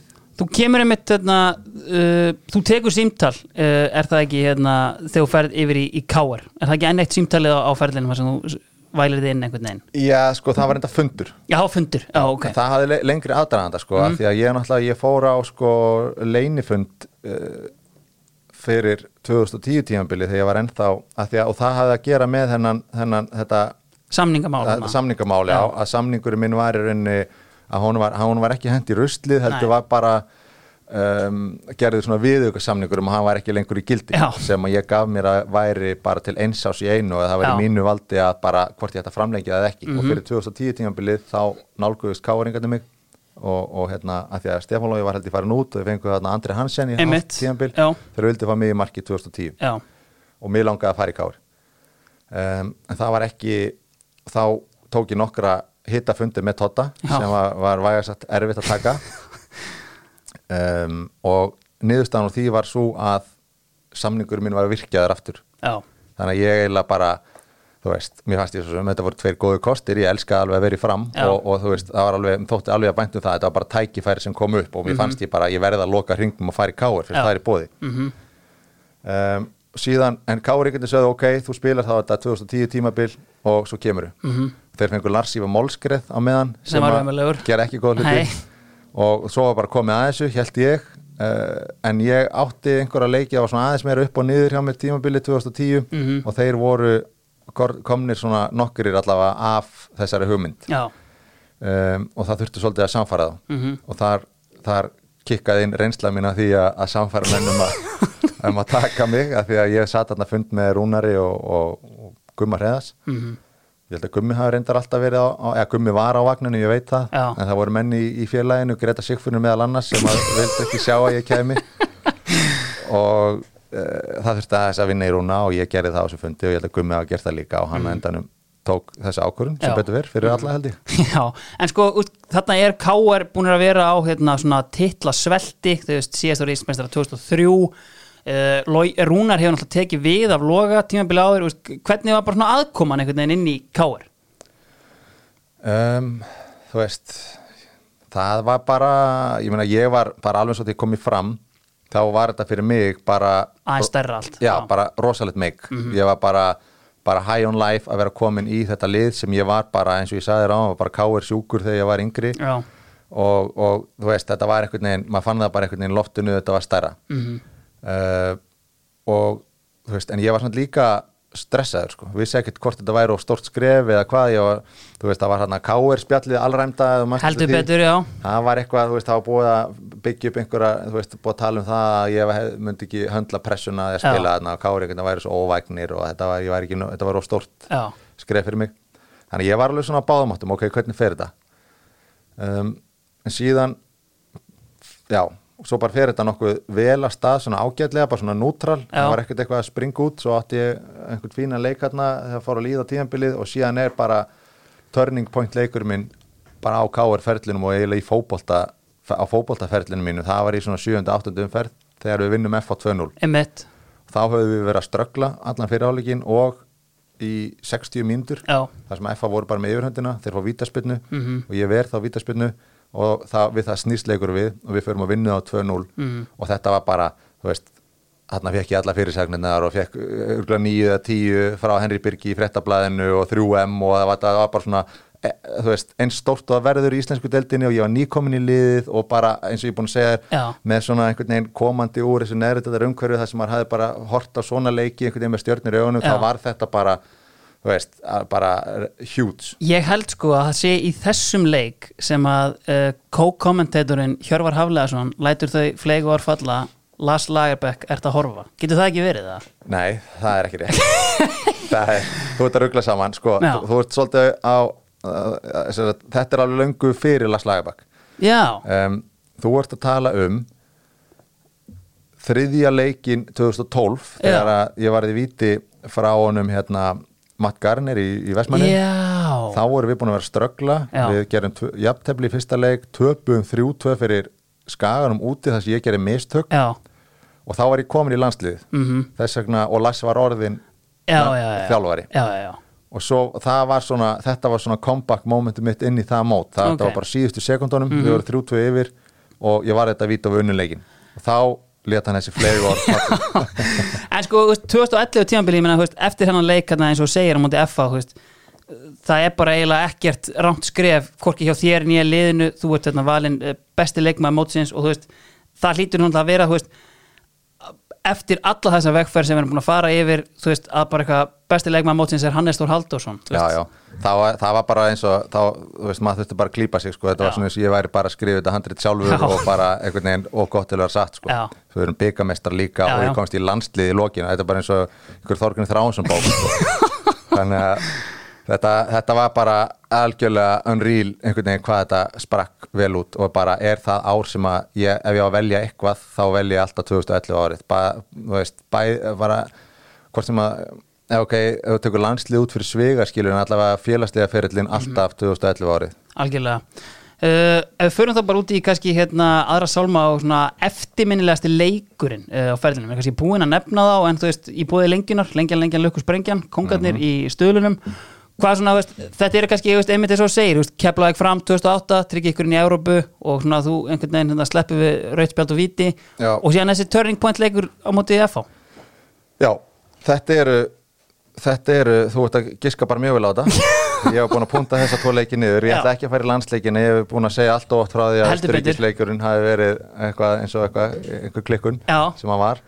En, en ef við tökum bara áfram, höldum okkur við íslensku deildina, Já. þá á, er þetta kepla fram, Mhm. það sem við förum í síðasta leik, kepla þurfti að vinna okkur. Mhm. og þeir voru búin að vinna alla leikina á heimaðli, þetta er ekki ósipað og, og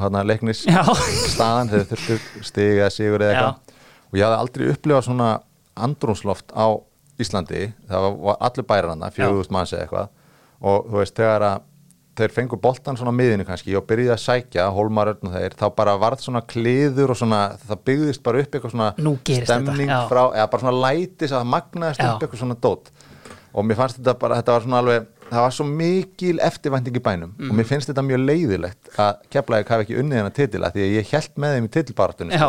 Þeir áttu þetta svo, svo skilið, þetta var árið þeirra. Mhm. en við vorum því miður þarna með gott lið og vorum að reyna að komast í Evropakefni Já, og ég, þetta var mjög erfiðu leikur af því að fyrsta lagi var ég vakandi fram að ég ætla ekki að segja. Það. Jó, ég væri að segja. Það.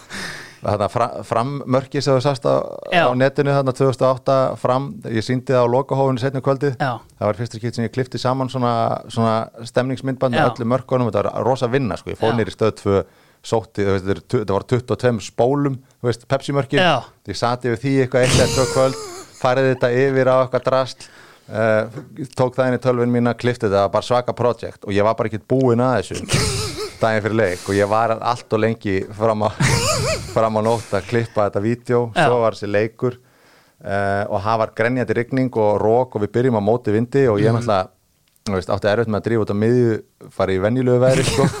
hvað þá á móti, þú veist, bestaliði landsins og- sofin illa sofin Já. og hafði áhugjur af því líka þú veist, það var svona ok, ég verði að sleppa með hennar leik þú veist, ég, annars veit ég upp um sökina hérna, sko. og, og ég var líka búin að eiga super tímabilaðna, sko, Mhm. þannig að þetta var svona allir fókusin á þessi leik og ég var náttúrulega að vona að þú veist, mér myndi sleppa við hennar leik og þú veist, vonandi verið einhverju li- liði ársins og eitthvað Já. svona um, og ég átti alveg frábæra fyrir hálfleik þó ég segi sálu frá Mhm. Eh, 0-0 í hálfleik og við og síðan, síðan klikka ég í setni hálfleik, snemma þar sem að gummi steinas neglir einhvern veginn svona innan á mig úr þröngu færi og ég vera nú til tegin og þeir skora bara Já. mín mistök Mhm. og svo bara svona fimm minútur setna kemur annað atvik þar sem að ég vera hann aftur út í tegin og reyni við frákastið og Símon Samuelsson er að pikki hann og ég, ég klippa hann niður með hendinni Já, og þar held ég bara, þá þyrmir bara yfir mig. Bara oh my god, þú veist þetta, hérna, bara tvö mistök. Ég er búin að klúður sem leik. Ertu þarna bara liggjandi á jörðinni og þú ert bara að býða eftir flautinu? Já, Já. ég var að því. Mm. og svo kemur flautið og hann fær guldspjald og ég því ekki. Og ég veit að menn eru ekki búin að jafna sig á þessu Nei, nei. þetta var ósangjan Já, því að þarna hefur komist í 2-0 og orðið Íslandsmeistarar. En við snúum þessu við og, og jöfnum fljótlega eftir þetta og þú veist, það heldur áfram að dynja okkur og þetta voru einu mistikjum mín leiknum að því annars voru þetta, var þetta átti ég super leikarna sko. Uh, og við fyrir síðan og ekki bara að gera jættefli heldur vinnum þá. Já. Og þetta var bara rísa stund fyrir okkur alla sko. Mhm. uh, í þessu grenjandi veðri þarna og þú veist, fórum, já, þú, þú veist bara mjög stort, stort mál. Þannig að þetta, þessi leiku var ótrúlega eftirminnilegur. Að því þú segir þetta sko, veist, nú er ég búin að vera hérna með þetta mína svona var sumar þess að ég er búin að vera að krifja þessi tímabil og sko var ákveðin ljóður á þínu leik? Er ég ósangjart þegar ég segi að þú veist þú gafst svolítið margar vítaspinnur er, ég, er, er þetta rétt, er þetta rangur hérna, röng túlkun hjá mér á þessu? Ég hef ekki pælt í því sko. Nei, uh, ég þarf eiginlega að hugsa þetta svolítið. Já en ok, á meðan ég ætla ekki að segja þetta rámt hjá þér Nei, en á meðan kannski, þá er kannski hinn vingillinn, er út frábæri að verja vítaspinnur. Þú ert með ótrúlegt einhvern veginn track record sko og hérna, og þetta hvað, þú veist, 2015 kemur frétt, þá ertu búin að fá á þig þrjú mörg úr vítum af 14 einhvern veginn. já, ég náði þarna rosalegu rönni vítarönni, það byrjaði í K.R. Það sem að 2011 held ég að ég hafi varið bæði vítin sem komu á markið og eitthvað svipa 2012 nema það var í byggarúldunum þá klikkaði Garðar Jós, þetta er slána það var alltaf svona einhver víti sem að fóra í ramman líka einmitt. en fá, fá inn Já. og svo held það áfram í norsku deildinni þar sem ég fekk á mig fjögur og varðið þrjú aðeim Mm uh, og þannig að það var svona á þessum tíma þessi frétti skrifu þá var ég búin að vera á einhver svona þvílíkur rönni sko. Það var alltaf í deildinni, ég hefði viljað verja fleiri víti með landsliðinu, Já. en ég náttúrulega varðið vítið sem skipti máli sko. Heldur betur. Og veist, þetta, þú veist, þetta kemur einhvern veginn út á, bara, er þetta, að því að, maður velti fyrir sig hversu vel getur markmaður undirbúið sig fyrir skot og annað, en eru víti alveg, eitthvað sem að menn kafa onni í það og kannski meiri segja, á þessum árum, skilur, 2007 til 2013, af því þá verður mjög mikið að vítum líka, sko. Já, og það er eiginlega, þarna var ég að verja meira vítum og, og það er áhugavert vegna þess að mér hefur eiginlega aldrei fundist mér takast fyrir utan Messi-vítið Mm. takast að stútur einhvern gæja og vita hvað hann er að fara að skjóta og verja það síðan af því að oftast er ég er eiginlega alveg sem einhver gaur er að fara að skjóta að því ég veit hvert hann er að fara að skjóta þá annarkvort er hann ekki inn á vellinum og það er einhver annar sem skýtur eða hann gerir bara eitthvað annað mér fannst þegar ég var hvað best undirbúin þá yfirleitt varði ég ekki Já. þegar ég varði það var eiginlega alltaf gött feeling það Já. var eitthvað svona, þú veist bara einhver tilfinning hvernig típa gæin er hvort hann sé að fara að sparka svona innanfótaspinnu eða, eða hvort hann sé að fara að smyrja honum með ristinni. Um, þú veist, ég reyndi að aðeins að standa þú veist, aðeins að blekja þú veist, búa til pínlítið stærra hot. Heldur betur, já. um, og svona einhver svona smá trikk sem maður hafiði og svona einhver tilfinning og svona en, en yfirleitt uh, he- hefnaðist betur þegar ég var að einhvern veginn bara gera þetta á, á tilfinningunni. Hvernig er þetta þú veist, þegar stendur í marki og víti er að koma og þú sérð að þú ert að fara í, boltin kemur og þú sér, já, ok, já, ég er farin í þetta hot. Er létt panik þegar þú fattar að þú átt sjens í þetta? Eða er þetta bara, herru, þessi varin? það er, þetta er rosalett adrenalin kick sko og það er, eh, eins og þú ert að lýsa þessu það er, ég er ekki frá því að það byrja einmitt á leiðinni sko, þegar þú finnur bara I got this Já, og það er alveg sama þó sett að verja víti í sko æfingarleik í februar hérna á móti í, ég ætla að segja í er sko. hérna, eða eitthvað skilur það er bara alltaf gaman. En, en þess vegna þú veist þess þá heldur eitthvað í KRF á víti sem skiptir öllu máli eða bara tala ekki um hittvíti sko. Já, Þú veist, þannig að er, þetta er alveg geðveitt kikk en ég hef alltaf einhvern veginn, mér er alltaf liðið mjög vel í vítum og, og það er svona eina mómenti sem að pressan er tekin af markmanninu, af því að markmanninu er alltaf með það hangað yfir sér að geta orðið skurkurinn meiri segja þó þú sért að vinna 3-0 ef þú færið á því eitthvað kúka marki upp út á tíma þá Já. er það samt, ertu bara ge- gert grína þér já, sko. já, þannig að þetta er eina skipti sem þú færið bara gjöð svo vel ef þú verður þetta þá ertu komið með hérna, veist, þá ertu maðurinn algjörlega. og, og hérna og ég trúði alltaf að ég væri að fara að verja sko. ég horfði á boltan, starði á hann það, sem er mikilvægt líka bara fyrir sko, bara coordinationið, að augun og hen- hendurnar og heilina að sé að veist að þetta gerist svo hratt sko að maður sé með algjörna fókus á boltan og svo bara reiknaði ég alltaf með því að vera að koma og það komir alltaf óvart þegar hann fór í hittóni sko. þá var ég bara, what? algjörlega. Herru, förum þá upp í sóknarlínuna, hún er auðvitað í bóði lengjunar sömu leðis, uh, en sko áður en við förum í sóknarlínuna frá lengjunni þá heyrðu Dominos í mér og hérna Dominos er auðvitað með Dominos tríóið Aha. og það er kannski hérna þeir völdu þetta tríó af sóknarmönnum eins og þeir gera alltaf og fyrst og síðast einmitt að því við erum að tala um keflaðið fram uh, Hjálmar Þórarinsson Já. þú veist þetta var náttúrulega undrabann uh, hinn íslenski Michael Owen döbbaður Aha. af hérna, mönnum innan KSI veist, gaman að spila með honum Já, hann var, hann var hérna, aðalsendirinn okkar á þessum, þessum svona góðu árin sem við erum búin að ræða mm og um, bara ótrúlega hæfileikar ykkur Mm. Vi, við vorum svona ofta að býða eftir sko að það kæmi Monster Season já, Já. þetta voru oft svona 6 til 8 Einmitt. nýju mörg Já, uh, en hann hafði alltaf í sér einhvern veginn þetta monster element sko, og við fengum svona alltaf slatta mörgum frá honum Já. og mikilvæg mörg Einmitt. þannig að hann stóð sér mjög vel og, og ég náttúrulega vissi hvað hann var og hvað hann hefði gert áður og bara, þú veist, vinni mínu sem voru í þróttarkverfinu voru bara ennþá hrættið við hann sko. þannig að hann var bara frábær leikmaður að, spila með mm Síðan erum við með annan hérna og það er kannski frá eldri tímanum en í afturöldingu raðar inn Allir Lilli Heimisson. Já, ég er náttúrulega alveg með langan lista af honorable mentions hérna, ég er stressast upp Já. yfir að minnast ekki á það Nei, alltaf, en tökum sko- alla, hann var, hann var svona þú veist, maður fann að hann hafði eitthvað kannski hann var að leveli fyrir ofan aðra í, í afturöldingaliðinu, Já. það var gæði sem að gat svona, þú veist, gert hluti upp á eigin spýtur og, og svona flamboyant svona, þú veist, skemmtileg típa með strípur og svona þannig að gaman að honum. Mm Síðan sko var hann með Jónas Grana en þú veist við erum alltaf kannski búin að fara yfir það maðurinn sem að veist einhvern veginn er settur á bekkin fyrir Henry Jón Vósu en er samt markakongur hann á 2007 en þú veist Ertu núna að tala um honorable mentions? Nei, núna er ég bara, veist, þetta er það sem ég fekk frá Ása hjá Dominos, þú veist, það var hérna síðasti maðurinn í, í tríónu var Jónas Grani. Þannig Já, betur, er hann sem sagt að stinga upp á Já, hann mönnum í liði? segir mér bara, ég segi Ási hérna hjá Dominos, ég er að fara að fá Hannes hérna og hann sagði bara, erðu, ok, Jónas Grani ég þarf Ég að fá aðeins inn á Ok, hann. Ok, ég skilji núna. Já. Og hann myndist á alla heimis Já, hann Ok. bara algjörlega fá, spottað. fá að ræða aðeins um alla heimir Ég skil, ok, já, ég var með hann á blaði hérna líka sko Mhm. Já. og, og ætlaði að minnast á hann Já. Þannig að það eru konum með tvo sem áttu skilið En svona áður en við förum bara í hérna, þú veist, hérna, þessa fremstu þrjá, þú veist, er einhverjir sem að var erfitt að skilja út undan? Já, hérna, Bjarni Guðjóns var, var náttúrulega fyrirliðin á öllum þessum tíma og bara frábær leikmaður Mhm. um, hann, er, hann er bara veist, ég veit ekki hvað að segja það er bara aðrir aðna sem, að, sem að einhvern veginn enduð í liðinu það er bara ég þjálfærin og ég er ræð þannig að hann, er, hann var samt skiluru bara einna leiðtóðanum í þessu frábær liði og frábær leikmaður.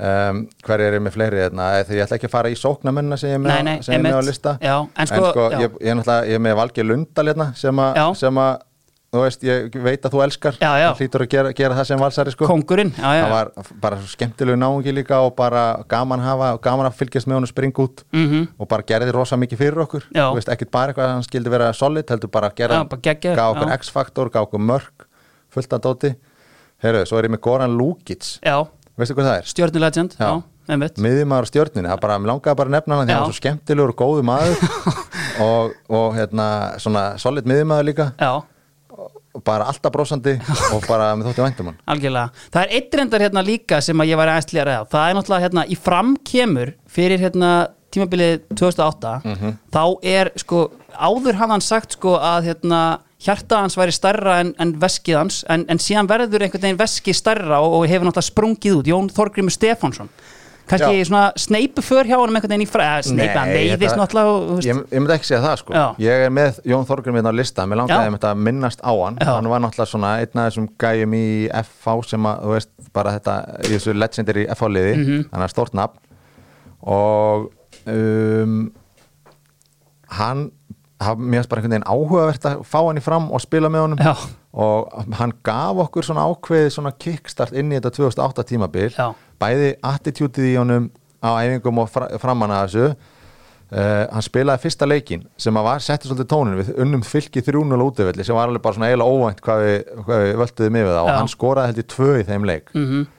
og hérna svo meittist hann og hann átti einhver samtölu við mig líka þarna þegar að þegar að það sem hann sem að ég sátu í mér sko sem að mér, ég, mér þótti væntum þú veist, að, ég var búin að eiga eitt ekkert spes tíðanbíl skilur, svo kom þessi gæi og var að segja mér hversu góður hann fannst ég vera Mhm. og ég, ég kunna meta það Já, þannig að mér fannst, mér fannst hann, hann væri skuldar mennsjón þó að það hef ekki farið mikið fyrir sko framferlinum hans Nei, nei. það var hann alveg svona var, þetta var skemmtilegt krydd í þetta, þetta þennan hóp ég sko. trúi því, algjörlega Herru, erum við þá klárir í að fara bara í framlínuna? Já. Ok, hvað, bara að þú mátt ráða á hvernig þú byrjar hérna Ok, sko þessi framlíða, framlína, hún er alveg hún er le- leiðilega ófrumleg sko. Já, já, og mér finnst ekkit gaman að, að henda þessu nöfnum öllum hérna því að þú hefur alveg getað sagt þetta sjálfur Já. það er enda kannski kontroversial ákvörðun en við, þurfum, við förum betur í hana á hægri kantinum, þá er mér kjartan Henry Já, einmitt. Ef við byrjum bara á því, sko, hvað skoðan hafður á Kjartan Henry á hann þú komst í Káar? Bara, þú veist, Mm. þetta er náttúrulega svona einn af svona mestu villens sem dildin hefur séð einhvern veginn. Var það þín upplifun líka? Já, hvernig var þetta? Var, var hann ekki fengið til liðsins 2010? Jú. Árið áður en ég kom? Já, en hann náttúrulega verður ekki þessi villen fyrir en kannski svona 2011 og, svona, og, og svona nær hámark einhvern veginn kannski 2012 þannig, einhvern veginn. og þá var ég náttúrulega með hann í liði Já. og þekkt hann og þá náttúrulega hefði maður gaman að þessu Já, en, en ég man ekki alveg hvað mér fannst um hann áður en, en mér fannst hann alltaf bara þegar ég var með hann í liði það er svona lágu á hann gæðin sko. Já. og bara touch finnisið hans er bara á einhverju öðru leveli já, um, og auðvitað þetta attitude um, svo fannst mér það bara einhvern veginn það, það sást líka bara í því sem hann gerði síðan á ferlinu sínu búin að veist, vera meittur lengi og í rauninni veist, komið tilbaka Einmitt. og bara til þess að vera í káir en nær síðan að búa sér til langan atvermannaferil já. þú veist Þetta er nefnilega alls ekki algengt af því ég meina þarna kemur hann sko, veist, hvað, 24, 25 einhvern veginn inn í deildin aftur og neðan var ónýtt sko. Já, og, hálf, og svona hálf veist, það sem maður myndi halda brotin Já. eftir skilur veru í, í Celtic og veist, bara mjög miklir draumar skilur sem að voru framundan einhvern veginn en, en verður ekkert úr Já. en nær samt einhvern veginn á, á kjartans orkunni að keira sér bara í gang og bara verður þrítugur atvinnumæður í sex ára eða eitthvað sko. Já, já, og það er náttúrulega kynntust við vel sko, því að hann var út í Horsens og ég var í Rannes og þetta er stutt á milli, þannig að við urðum, urðum ja, svona, við vorum í miklu bandi þar. Og, og hann var mikið, bara stórt nafn í Danmörku og, og þú veist. Að sjálfsögðu umdeldur umdeltur, Eh, já, já, já, ég meina hann er náttúrulega, þetta er bara gæi sem að kryttar deildina Já. og það er bara gaman að hafa svona náunga í liðinu, en hann, svo er hann bara þetta er svona einhver svona, svona mestu andstæður sem að, sem að ég hef svona kynst svona innan og utanvallar skilur Mhm. þú veist, utanvallar er þetta bara ótrúlega skemmtilegur topp náungi klár og, og bara kemur vel fyrir þessu orði og bara mjög gaman að vera kringum hann.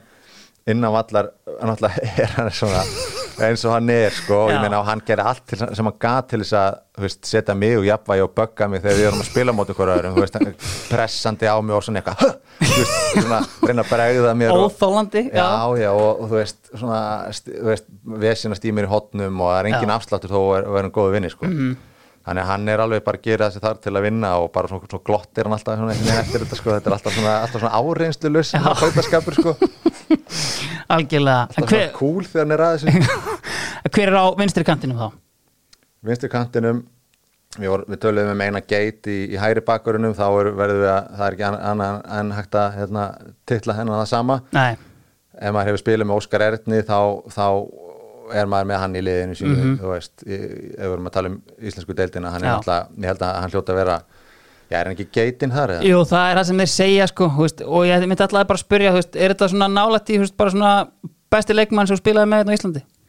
Já, hann hafði náttúrulega þess að töfra sem að, sem að veist, ekki margir eða í lengin hafði, þú veist, hann átti hann hafði allt í að, að þú veist um, springa út og, og, og ná, þú veist, komast út fyrir landsteinuna og Já. það gerðist alveg nokkur sinnum eða svona alltaf því og þú veist, þegar að það var alveg, þú veist, þegar hann síðan fekk svona, eða síðasta tækifæri að, að, þú veist, þá, þá klikkaði bara eitthvað í félagskiptaglugganum Já. eða eitthvað svona kjaftaði, sko, þannig að hann var alveg bara líka óheppin, sko Já. en ótrúlega bara fýtt náungi, góðu leikmaður og hann var, þú sagði, mummi hefur bestir leikmaður fyrir hlutans 2011 mm. Þú veist, það mögulega á skara halla þar sko, Mhm. af því að hann var búin að vera geggjaður en svo meittist hann, hann fóbrotnaði hann var ristabrotnaði þarna sem var ótrúlega svekkjandi fyrir hann, ég veit að þú veist, það var svona blendna tilfinninga með þann titil fyrir hann en svo var það heldur, og svo 2013 gaf hann ennþá meira af því að, að því að þá var hann, spila hann alla leikina og svona sko. Ef við sko köfum aðeins onan í það því að þú veist, nýbúin að vera að fara yfir þetta og sko, þú veist, 2011 uh, tvöfaldi meistarar, 2012 byggameistarar 2013 aftur Íslandsmeistarar. Þú veist, þetta er, og sko ef við virkilega köfum hún í þetta þá er sko eiginlega tvennu sjans á báðum 2012 og 13 þú veist, Já. þannig að þú veist svona þú berð til dæmis bara saman, þú veist, þessi Íslandsmeistarlið þú veist, 2011 þá ertu með, þú veist, hérna þú veist, Viktor Bjarka, Baldur Sig og hérna Bjarnar Guðjóns einhvern veginn, síðan 2013 vartu komið með gauðra eins og Alla Sigurjóns uh, Hauk Heiðar, Brynjar Litli Björn og þú veist, svona Svakalegt. já, og hvernig svona, þú veist, hérna veist, gerir greinarmun á þessum liðum eða er þetta bara svona þetta tímabil einhvern veginn Já, ég geri það sko. Þetta var, það var miklu meira kikk fyrir mig allavega að vinna árið 2011 já, það sem að mér náttúrulega persónulega gekk rosa vel og þetta var svona nýtt að vera í KR Mhm. og það gekk allt upp þú veist, við, við vorum bara besta liðið. Já. náðum langt í Európukefninni, við vorum byggamestarar og það var bara svona það var eitthvað svona karnival feelingur yfir þessu árið þegar maður hugsaði tilbaka. Mhm. 2013 var meira bara svona massíft. Við vorum bara, þú veist, við tókum það mót og bara einhvern veginn svona smá saman svona grænduðum það niður og bara unnum það og í rauninni svona þegar allt kemur til alls þá, úst, að ég sko er að koma mjög ferskur af sko 2013 umræðinni þegar í rauninni rúlið yfir þetta mót það Já. eina sem heldur spenni í þessu móti er að það er alltaf verið að fresta leikjum hjá okkur og Já. þeir eru alltaf með leiki á eftir Einmitt. þannig að þetta var veist, miklu betra lið en ég myndi eða svona á veist, skalanum í dildinni sko. Já, við, við svona hálfstungum á að kom svona dífa á miðjumóti mann ég og töpum tveimur röð og eftir það þá litum við ekki tilbaka og bara svona eiginlega kláruðum þetta Mhm. og erum með frábært lið um, og, og hérna en þetta var svona sísta sísoni mitt persónulega, þú veist, ég, var, ég átti gott 2012 líka og 2011 en, en þú veist, maður horfir náttúrulega alltaf í það líka þú veist, maður svona vill standa sig sko Mhm. Þannig að, þannig að þetta, hann hefur ekki alveg sama ljóma og 2011 titillin fyrir Já. mér en, en samt auðvitað skiluru æðislegt og bara allur þessi tími þessi þrjú ár voru bara þú veist, voru bara algjörð æfintýri sko síðan fer náttúrulega í atvinnumennskuna og, og það er náttúrulega hálgert ævintýri einhvern veginn út af fyrir sig sko. Hvað, þú veist, að þetta er svona þetta er haugur af klúpum, þetta eru mörg lönd og þú veist, einhvern veginn hvað er svona liðið þitt þegar þú horfið tilbaka úr atvinnumennskunni það er, það ranners eða? Já, ég myndi segja það. Það er, það er það sem ég náði mest að skjóta rótum og það sem ég var svona mest svona leið best í einn skinni þar út af því að þar var ég komin á einhvern stað þar sem ég fannst ég að vera búin að svona áorka því sem ég þurfti að áorka að núti, þú veist, fyrst í Sandnesúlf þá var ég að sanna mig og það var lítið lið og mér langaði að spila kannski aðeins stærra sviði Já. eða bara hér liði sem var með stærri leikvöll og ekki alveg í neðsta sæti og eitthvað Já. svona. Svo, þú veist, tók ég skrif til Holland sem var stærri en ég bjóst við að gera sko. Held að ég væri einhvern veginn búin að missa lestinni þegar við fjallum og ég fekk ekkert lið. Já, og þá held ég að ég var að leiðinni heim aftur. Svo kemur allt í hollenska úrvarsdeildin sem var alltaf klikkað. Já. Mjög gaman að spila þar. Um, og hérna bótu hérna á milli sem var líka bara frábæð tími en svona millibils ástand Stoppum aðeins í bótu til dæmis. Ok. Bótu sem eru núna bara hérna farandi áttalega úrslit í sambandsdeildinu og þú veist, er þetta sá klúpur sem að þú þekkir, bótu, skilur nei, enga veginn. Alls ekki sko, Já. bótu er náttúrulega svona var lið sem var að rokka milli deilda Mhm. í, í langan tíma og bara svona það var svona þeirra level að vera kannski hérna í neðri hluti óvarsdeildar en að eiga kannski eitt sísón þessi inn á fjórðasetti eða komast í byggarúsliti voru mikið að taka hérna í the 90s Íslendinga einhvern veginn, veist, Antoni Karl fór þarna Já, og svona ok. fleira svona dæmi sko, en veist, nákvæmlega, veist, þetta er bara þetta er svona norðu Nóri líka, það er, ekkit, það er ekki einhvern veginn, það er bara að þú vilt fara að spila í atvinnmennsku, þú veist að þú ferð þarna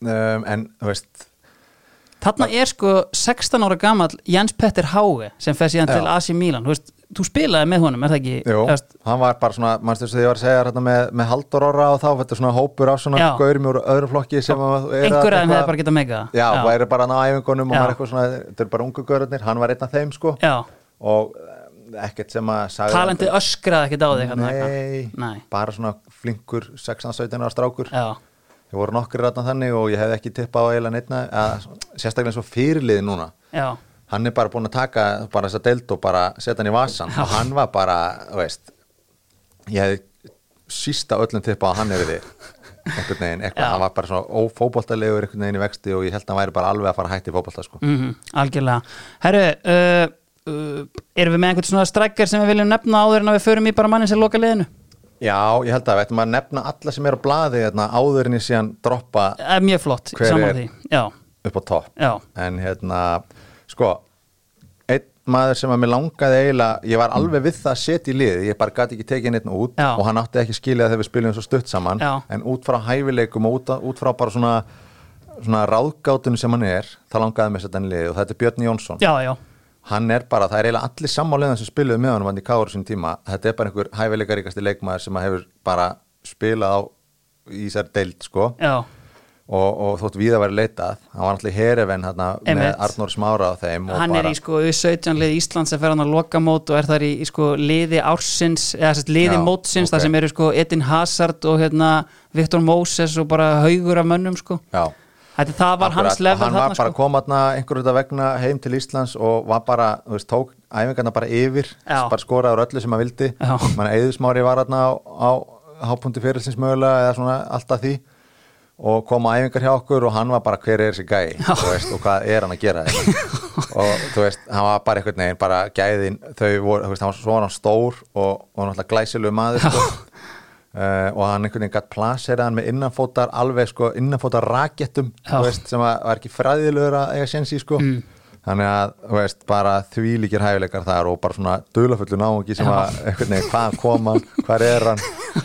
Og okkur var hann svona góður? Já, einmitt, kongurinn hann, er- hann er ákveðin kongur Já. um, svo erum við með hérna, já við náttúrulega hlupum yfir eitt sko sem að mér fannst að ég var náttúrulega nefna fleiri úr, úr leikni sko, þó svo að Valur Gunnarsson sé í markinu þá kom þetta maður Jakob Spansberg árið Já. 2004 á þessu tímabili sem við náttúrulega rúlum miður deildina næstu því Já. ef ég hef ekki klúrað henni og hann var náttúrulega potturinn og pannan í því þetta er gæði sem kemur frá Danmörku Já, og var bara, þú veist, annarkvært á leiðin í úrvalstildina þar eða eitthvað eða bara eiginlega hætti fótbolta að fara, gera eitthvað, í eitthvað æfintýr og fót til Íslands Já. og hann elskaði hverja mínútu við þetta breiðholts æfintýr sitt sko. hann egnaðist fullt af vinum hann dyrkaði bara stemninguna í, í félaginu þú veist, þetta, allt þetta freysa og vals og svona, þú veist bara eitthvað partí og eitthvað dót sko. Og hann var geðveikur Já. bara, þú veist, framanna, við höfum aldrei séð svona. Við Já. vorum alltaf bara þú veist, annar og þriðutöldaleikmenn kemur einhver gaur úr densku eiginlega úrvastildinni held ég sko. Og hann var bara geggjað, við höfum aldrei séð svona. Þannig að hann fær, hann fær mention já, en hann er ekki liðinu. Um, svo erum við með hérna, þú veist, svo, svo verði ég náttúrulega nefna uh, hérna bara hryggjasólun í val. Siggi Lár, Kitty Freyr, ég er búin að taka haug uh, þú veist, að því við erum konin í sóknarhlutan veist, þá, þá erum við með þú veist, við á, náðum einu góðu sísoni saman sem að var slaufað Já. skilur Mhm. urðum meistarar. Og það er kannski ástæðan fyrir því að það eru fleiri káringar í liðinu heldur en, veist, heldur en þessi leikjumenni var, Mhm. en þú veist þetta er samt, þú veist, Haugur, Siggi Patrik og, og Kitty eru náttúrulega bara hryggjastykkið í þessu valsliði sem að vann sko titilinn, hvað, þrjú eða, hvað, þrjú af fjórum árum, já. Já og þú veist, pluss einhverju bikartitlar þannig að þetta er einhverju fimm titlar á 6-7 árum Já. og þessi gæri eru bara DNA-ið í því, þeim árangri. Uh, Ég spilaði, því miður náði ég ekki þessum tveimur árum sérstaklega undan það sem að, þú veist, þegar Óli Jó stjórnaði sjóinu Já. og þeir voru einhvern veginn allir bara springandi út og það voru bara allir skellilægandi bara í Mhm. Reytur spil og bara unnu allt og bara, veist, þeir voru alltaf að segja um sögur að það hefur gaman sko.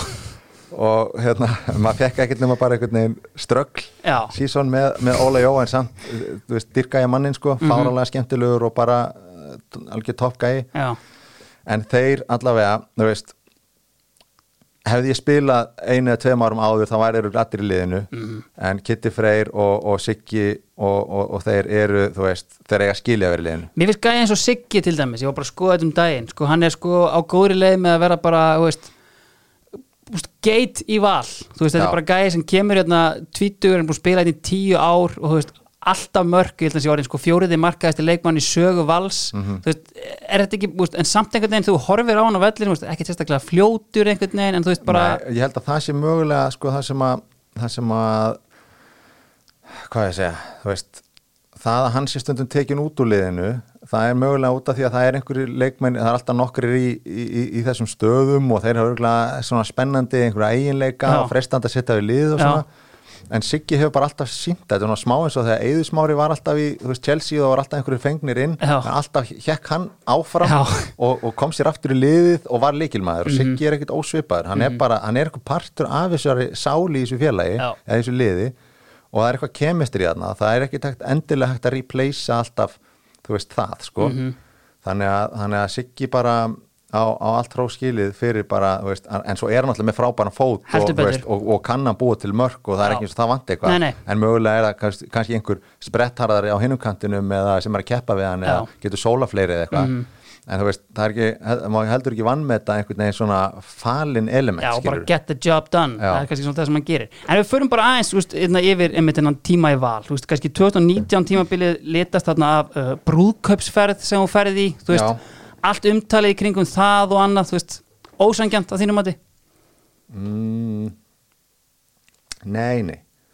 Það var ekkert ósengjant Nei. ekkert hannig um, ég, ég skil alveg að, að það hafi orðið smá fjadrafók út af því sérstaklega því að Óli Jóvinu minn hann hefði alveg geta hefði alveg geta tækla þetta betur. Já, uh, að því að sannleikurinn var bara sá að, að ég var tæpur og, og það var stutt í leik og við rettum þetta ég og Óli á, á skrifstofunni hjá honum hann að það voru þrý dagar í hennan leikum á Dýbjöf og, og hann tók það ákvörðun að bara sa, saði þeim bara fara Já. og af því að og, og hérna og það, það, það var bara stutt í leik þú veist ég, ég sagt um, verð fyrir því þarna í þessari uppbytun fyrir Tyrklandsleikin að uh, það kemur svona takin ára á mér eða, eða þú veist það verður svona einhver, einhvers konar mínitóknun bara minnsta gráða. -hmm. og ég fyrir strax inn og tala um það við sjúkuþálvarna og, og það er bara þú veist adrenalinni í botni og bara út að spila.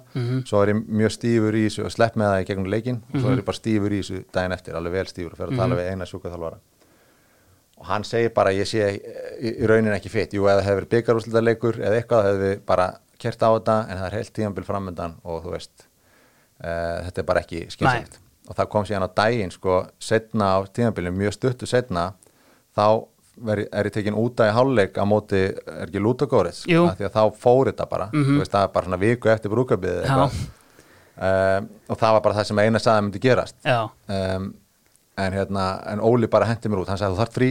Mhm. og, og hérna um, og þannig að það var svona ýmislegt í því máli sem að hefði get, geta farið betur Mhm. en auðvitað skil ég það að, að hérna, þegar ég fer út og alveg með allt niður sig og, og, og veist, með allt umtalið sem var í gangi þá er það auðvitað bara mjög spennandi teik Já. að, að vaða svolítið í það já, sko. Doktorinn með, með Mike og Kristján hann á kantinum Já, já. býða bara eftir fréttum að- doktorinn gerði, gerði, gerði vel þarna, hann náði að keira vel upp umræðina og ég auðvitað var, var fulla móti og hendi þarna í, í, í dramtist viðtal sem að sem að ég veit ekki, þú veist, sem að var eins og það var sko.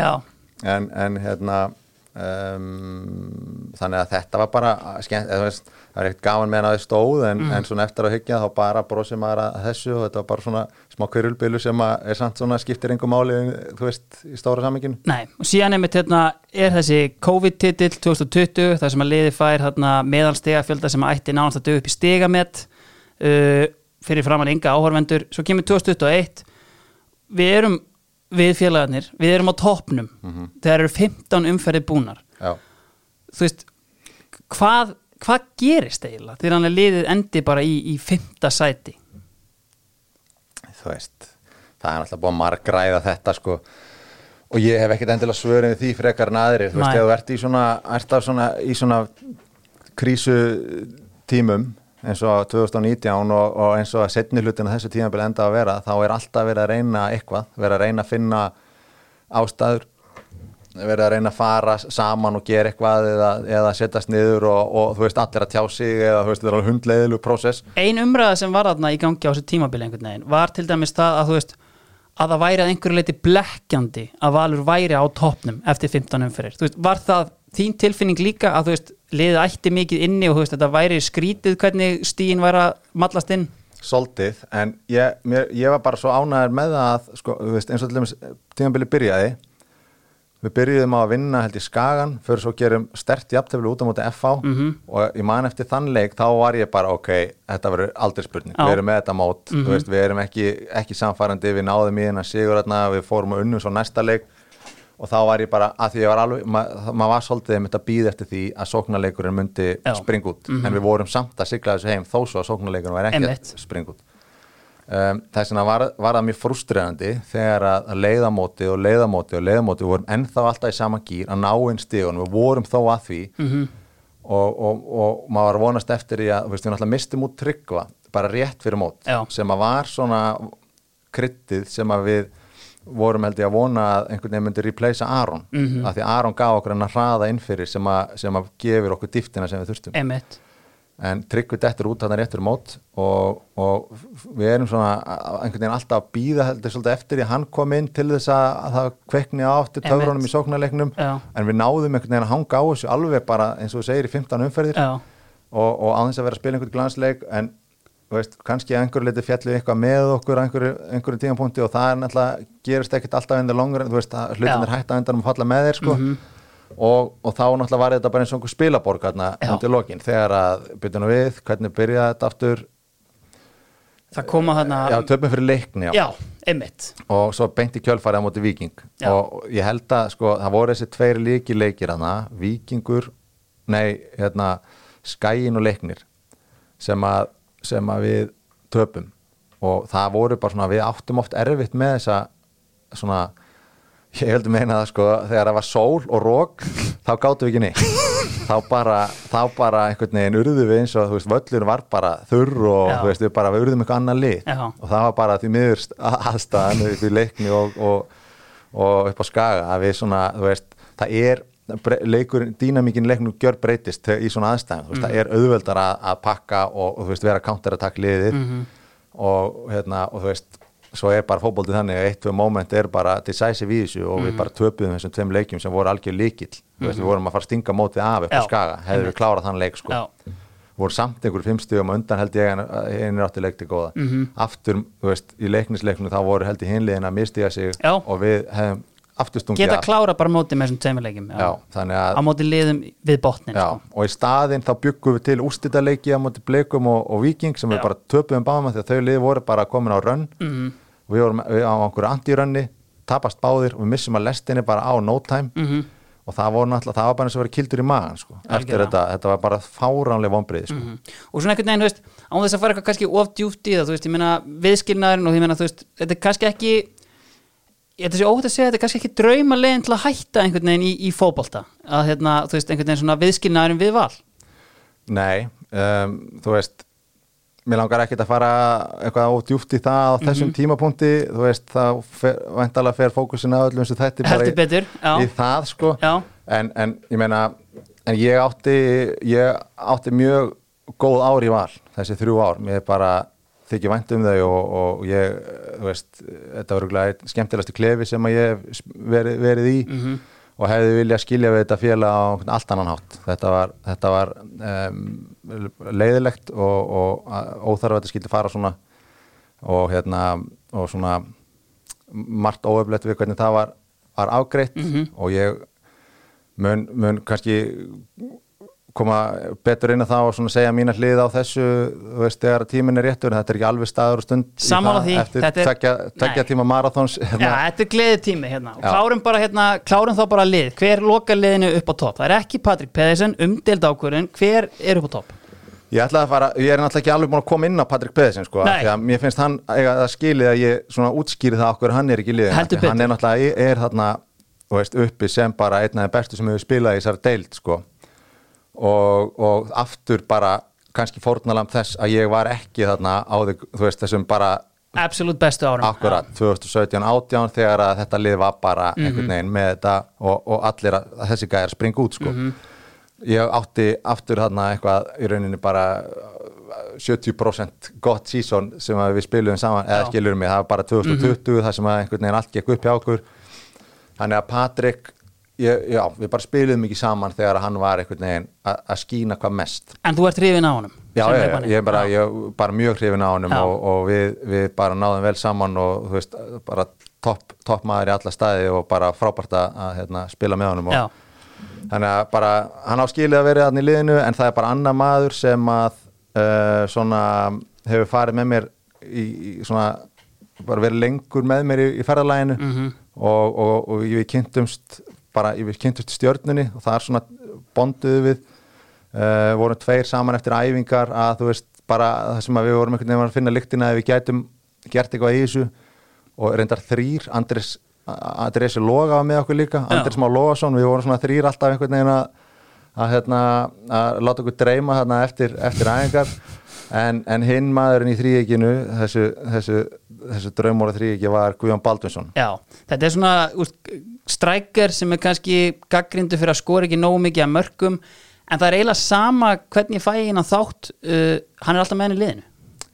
Players player Já, veginn, sko. það er, er alveg martur að spila mótunum. Já. það sendar þóleikja spila mótunum. Já, uh, það er rosalegt passion í honum og kraftur það skora alltaf sín mörg en þú veist, kannski svona oftast svona 6-8 marka maður á tíðanbilið eða eitthvað. Já, en einhvern veginn bara gefur liðinu svo mikið já, gusta svo mikið á honum svo er þetta svo mikill eðal náungi líka. Já. og við vorum bara góðu vinnir um, og svo náttúrulega gengum við gegnum þessi, þessi KR þessi KR ár allavega þessi tvö fyrri. Og, og náttúrulega 2011 ári sem ég er búin að segja svona hvað einhvern veginn lifi Mhm. bara ef, með kert í minningunni. Og þar var hann, þú veist, þú sér það ég er bara með framlínuna af því ári Já, já. Í, í liðinu sko. það er Dominos tríó Þannig ég er svolítið- er litaður af einhvern veginn hvað það allt saman var. Já, mikið æfintýri, þannig að Gauði Baldurs er, er sendirinn liðinu. Hann loka liðinu. Má ég sjá hvort ég sé að gleyma ykkur með það sko það er einn, sko við kannski uh, eigum við að ræða reiksuguna frá Norðfyrði Haldur Hermann. Herri já, hann er á lista hjá mér. Já, hann, er, hann var bara, hérna, ég er með hérna, næstir inn og svo er ég með honorable mention. Já. Hann var meira sér bara í næstir inn sko. Um, að því að hann kom hérna í framliðið og var algjört key ingredient í því liði sko. Mhm. Þetta er gæði sem að Totti tekur með sér um, að austan og, fjárðabyggð og, og, og svona, þú veist, alveg svolítið svona, svona bett hjá Totta að taka hann skilur Já. og bara svona greinlegt að hann hafa mikið að spunnið það því að hann var ekki skiluru engin augljósir svona eiginlega, svona hæfileika Já, í honum hann var ekki, þú veist, að skjóta utan á velli, í samskiptin hann var ekki endilega að leggja upp eða eitthvað svona Já. En svo náttúrulega bara kom það í ljós að hann var algjört líkilatriði í þessu, þessu svona kemistri í þessu liði af því að hann náttúrulega hleypu bara eins og þú veist, bara skrattin sjálfur sér á hælunum á hann sko, í 90 mínútur stanslust, þú veist, bróður hans er einhver víðamánslaupari eða eitthvað og ég held að hann sé samt í betra formi en hann en Dóri. Þannig að hann er bara, þú veist, hann gaf okkur fáranlega mikið. Algjörlega. Erum við þá ekki bara nánast komni með þetta hérna? Uh, Jú, mér sýnist það. Ætlar að fara eitthvað í, jú Ég held það. Sko, uh, förum bara yfir liðið östnött án við klárum þetta. Uh, Valur Gunnarsson er í markinu, kongurinn sjálfur með fyrirlega bandið. Uh, í hæri bakveri Birkir Már Sæfarsson, uh, Hafsendar Gretar Sigfinnur og Auðun Helgason, Jón Guðni Fjólusson í vinstri bak, Pól Max Shane, Lasse Petri og Baldur Sigin á miðinni, uh, Kjartan Henry Finnbóðsson, uh, Guðjón Baldunsson og Óskar Örn Haugsson frammi. Sko, byrjum bara á hvað myndi þjálfa þetta lið. um, Sko, má ég velja þjálfara og svo að vera með þjálfara á bekknum Geðið mig bara allt teimið bara. Bara Ok. komast- Já, Sko, þjálfari í þessu liðið Þorvaldur Ölisson já, Ég þarf ekki að fara aftur í það hvað aftur ég fíla hann svona vel Já. Við erum búin að vera nóg lengi hérna. heldur betur. um, Aðstóð þjálfarinn hans verður Sigurbjörn Treðarsson Já, Sigurbjörn Treðarsson er mögulega Já, hann er svona topp 5 skemmtilegasti maður sem ég hef og hann og Óli og saman er náttúrulega bara tveir gangandi brandara sko. Uh, þannig ég ætla að setja Bjössar Heiðarsson inn til þess að til þess að halda stemningunni léttri. Mm, um, sko og svo er ég með Gummar Heiðars sem markmannstjálfara já, ég hef oft komið inn á það hvað Gummar Heiðars hefur gert gert uh, mikið fyrir mig og minn feril. Mhm, ég veit að þú nennir ekki að ég sé að tala of mikið um hluti sem ég talaði um áður þannig að Gummar Heiðars verður bara að upp í gamlu viðtölum Heldur betur, að nóg af þeim. fara, en svo, ég, svo er ég með sko varaþjálfara teimi já, flott. Veist, að ef ég þarf að reka alla þessa af því að út af bara eins og þegar, þegar doktor Leður lendi bara í því að úslitin bara kom ekki Einmitt, þá er ég með Rúnar Kristinsson þá ætla ég að ráða Rúnar já, af því að hann reyndist mér mjög vel Mhm. og bara kann ótrúlega vel við hann góðu þjálfari þá er ég með Túfa á bekknum já, Túfa er líka algjör toppmaður ótrúlega professional, non-stop vinnudýr uh, og ég er með Birki Kristins sem markmannstjálfara Já. en það er einn af mínum uppáhaldsmönnum og Já. hann var markmannstjálfara minni í fram og svona skaut mig alveg í kaf sko, það var bara endalust magn af skotum, ótrúlega gaman Já. hjá honum og hérna svona góð, góður undirbúningu fyrir Guðmar Reyða sem að tók mig síðan af svona einhvern veginn fræðunum og Faglegum tekninni nótum, og já. svona, já, þannig að það var bara dyrka Birki mm. og þar með er það upptalið þetta er vara þjálfar teiminu algjörlega. Herðu, sko, uh, Túli og Lengjan, þeir hafa svona saminast fyrir hérna leikmenn um að bjóða þeim í rauninni tólta leikmannin í liðið sem er í rauninni kannski sá leikmaður sem hún myndi taka með þér til að halda uppi stemmingun í klefanum á bekknum, fylla á túleikjælin 2,25% og hafa bara almenna gleði í þessu, hver er svona sá tólti sem þetta er í hug? þessi maður heitir Ívar Björnsson. Já, og ég hefði minnst á hann einhver staðar þarna fyrir í sóknar í sóknar uh, hlutanum ef að ég hef ekki vitað þessum hluta. En Ívar Björnsson er síbrósandi, alltaf í góðu skapi veist bara smittar gleði í kringum sig. Og hann var góður, hann átti nokkur mjög góð tímabil í fram og við fórum saman til Viking Stavengar á reynslu eftir 2008 tímabilið Já. sem hann skoraði klingdum upp í samskiptinu á mínútu tvö eða eitthvað, bara ótrúlega að byrjun á reynslu held ég sem nokkur maður, veist, í svona einhverju leik þar sem að markið skipti máli, það er eiginlega fáralegt að hann hefur ekki verið keftur á staðnum þar, sko. en Ívar er bara yndislegu maður sem, að, sem er alltaf gaman að hafa kringu sig Heldur betur. Herri, uh, og bara til að loka þessu, uh, vinni mínir í R3 Ráki og Bókald, uh, þeir hafa svona verið að, þeir eru náttúrulega bestir í endurskoðun og hérna, þeir hafa svona viljað að leifa fólki að loka á svona, veist, er eitthvað sem hefur viljað endurskoða á ferlinu þínum? Bara er einhver svona kannski eftir sjá eða einhver move eða eitthvað sem að fjallu upp fyrir? Move sem fjallu upp fyrir uh, þú veist, það var alltaf fullt af símtölum Mm. á leiðinni og yfirleitt þá bara vissum maður að þeir myndi ekki enda neinu sko. En, en það var eitt lið sem að koma upp aftur og aftur og aftur og ég svona, mér langaði alltaf að fara í og það var Hammarby já, og ég var, ég, mér stóð til bóð að fara til Hammarby á, áður en ég fór í val já, en á hálsársamning uh, á meðan að það var fjárarsamningur á borðinni hjá val og Mhm. ég bara tók skynsemis ákvörðuna þar og, og hérna, en það hefði verið svona veist, það hefði verið svona hopp út í óvissuna að fara þangað og láta það reyna. Mhm, um, ég, er, ég er ekki ósáttu með neina ákvörðun sko. Nei. Veist, ég er bara þú veist, það hangir allt saman einhvern veginn og þú veist, eitt leiðir annað af sér og svo kom ég hérna heim og gerði þessa bíómynd sem að gekk vel og það hefði ekki gerst ef ég farið eitthvað annað og svona, en ég er ánægð með þetta allt saman. Mhm, en Bótu Glimt höfðu aftur samband við mig rétt fyrir 2020 tímabili þeir reyndar höfðu reglulega samband eftir að ég fór frá þeim. Þegar gekk rosa vel þar.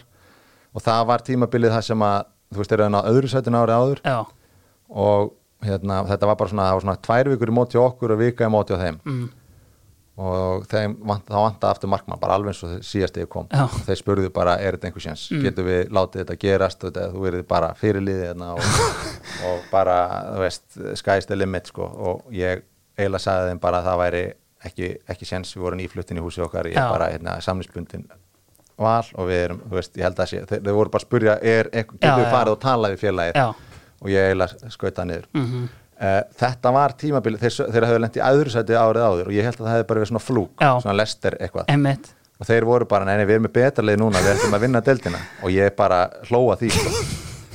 Og, og hérna þú veist eftir á hyggja ekki það að það hafi einhvern veginn að vera option en Mhm. það sjálfsögðu hefði verið gaman að henda sér þangað og vinna norsku deildina Já. tvisvar og fara í þetta taka þátt í þessu æventyri en svo hefði það kannski aldrei gerst ef ég hefði staðað náttast og bombað hann fram þannig að þetta var svona veist, þetta var allavega eftirminnlegt að þeir, þeir höfðu reglulega samband og sí, síðast gerðu þeir það, það fyrir Já. þetta tímabilið sem allt sprakk út mhm, þú veist, svo, svo náttúrulega er þetta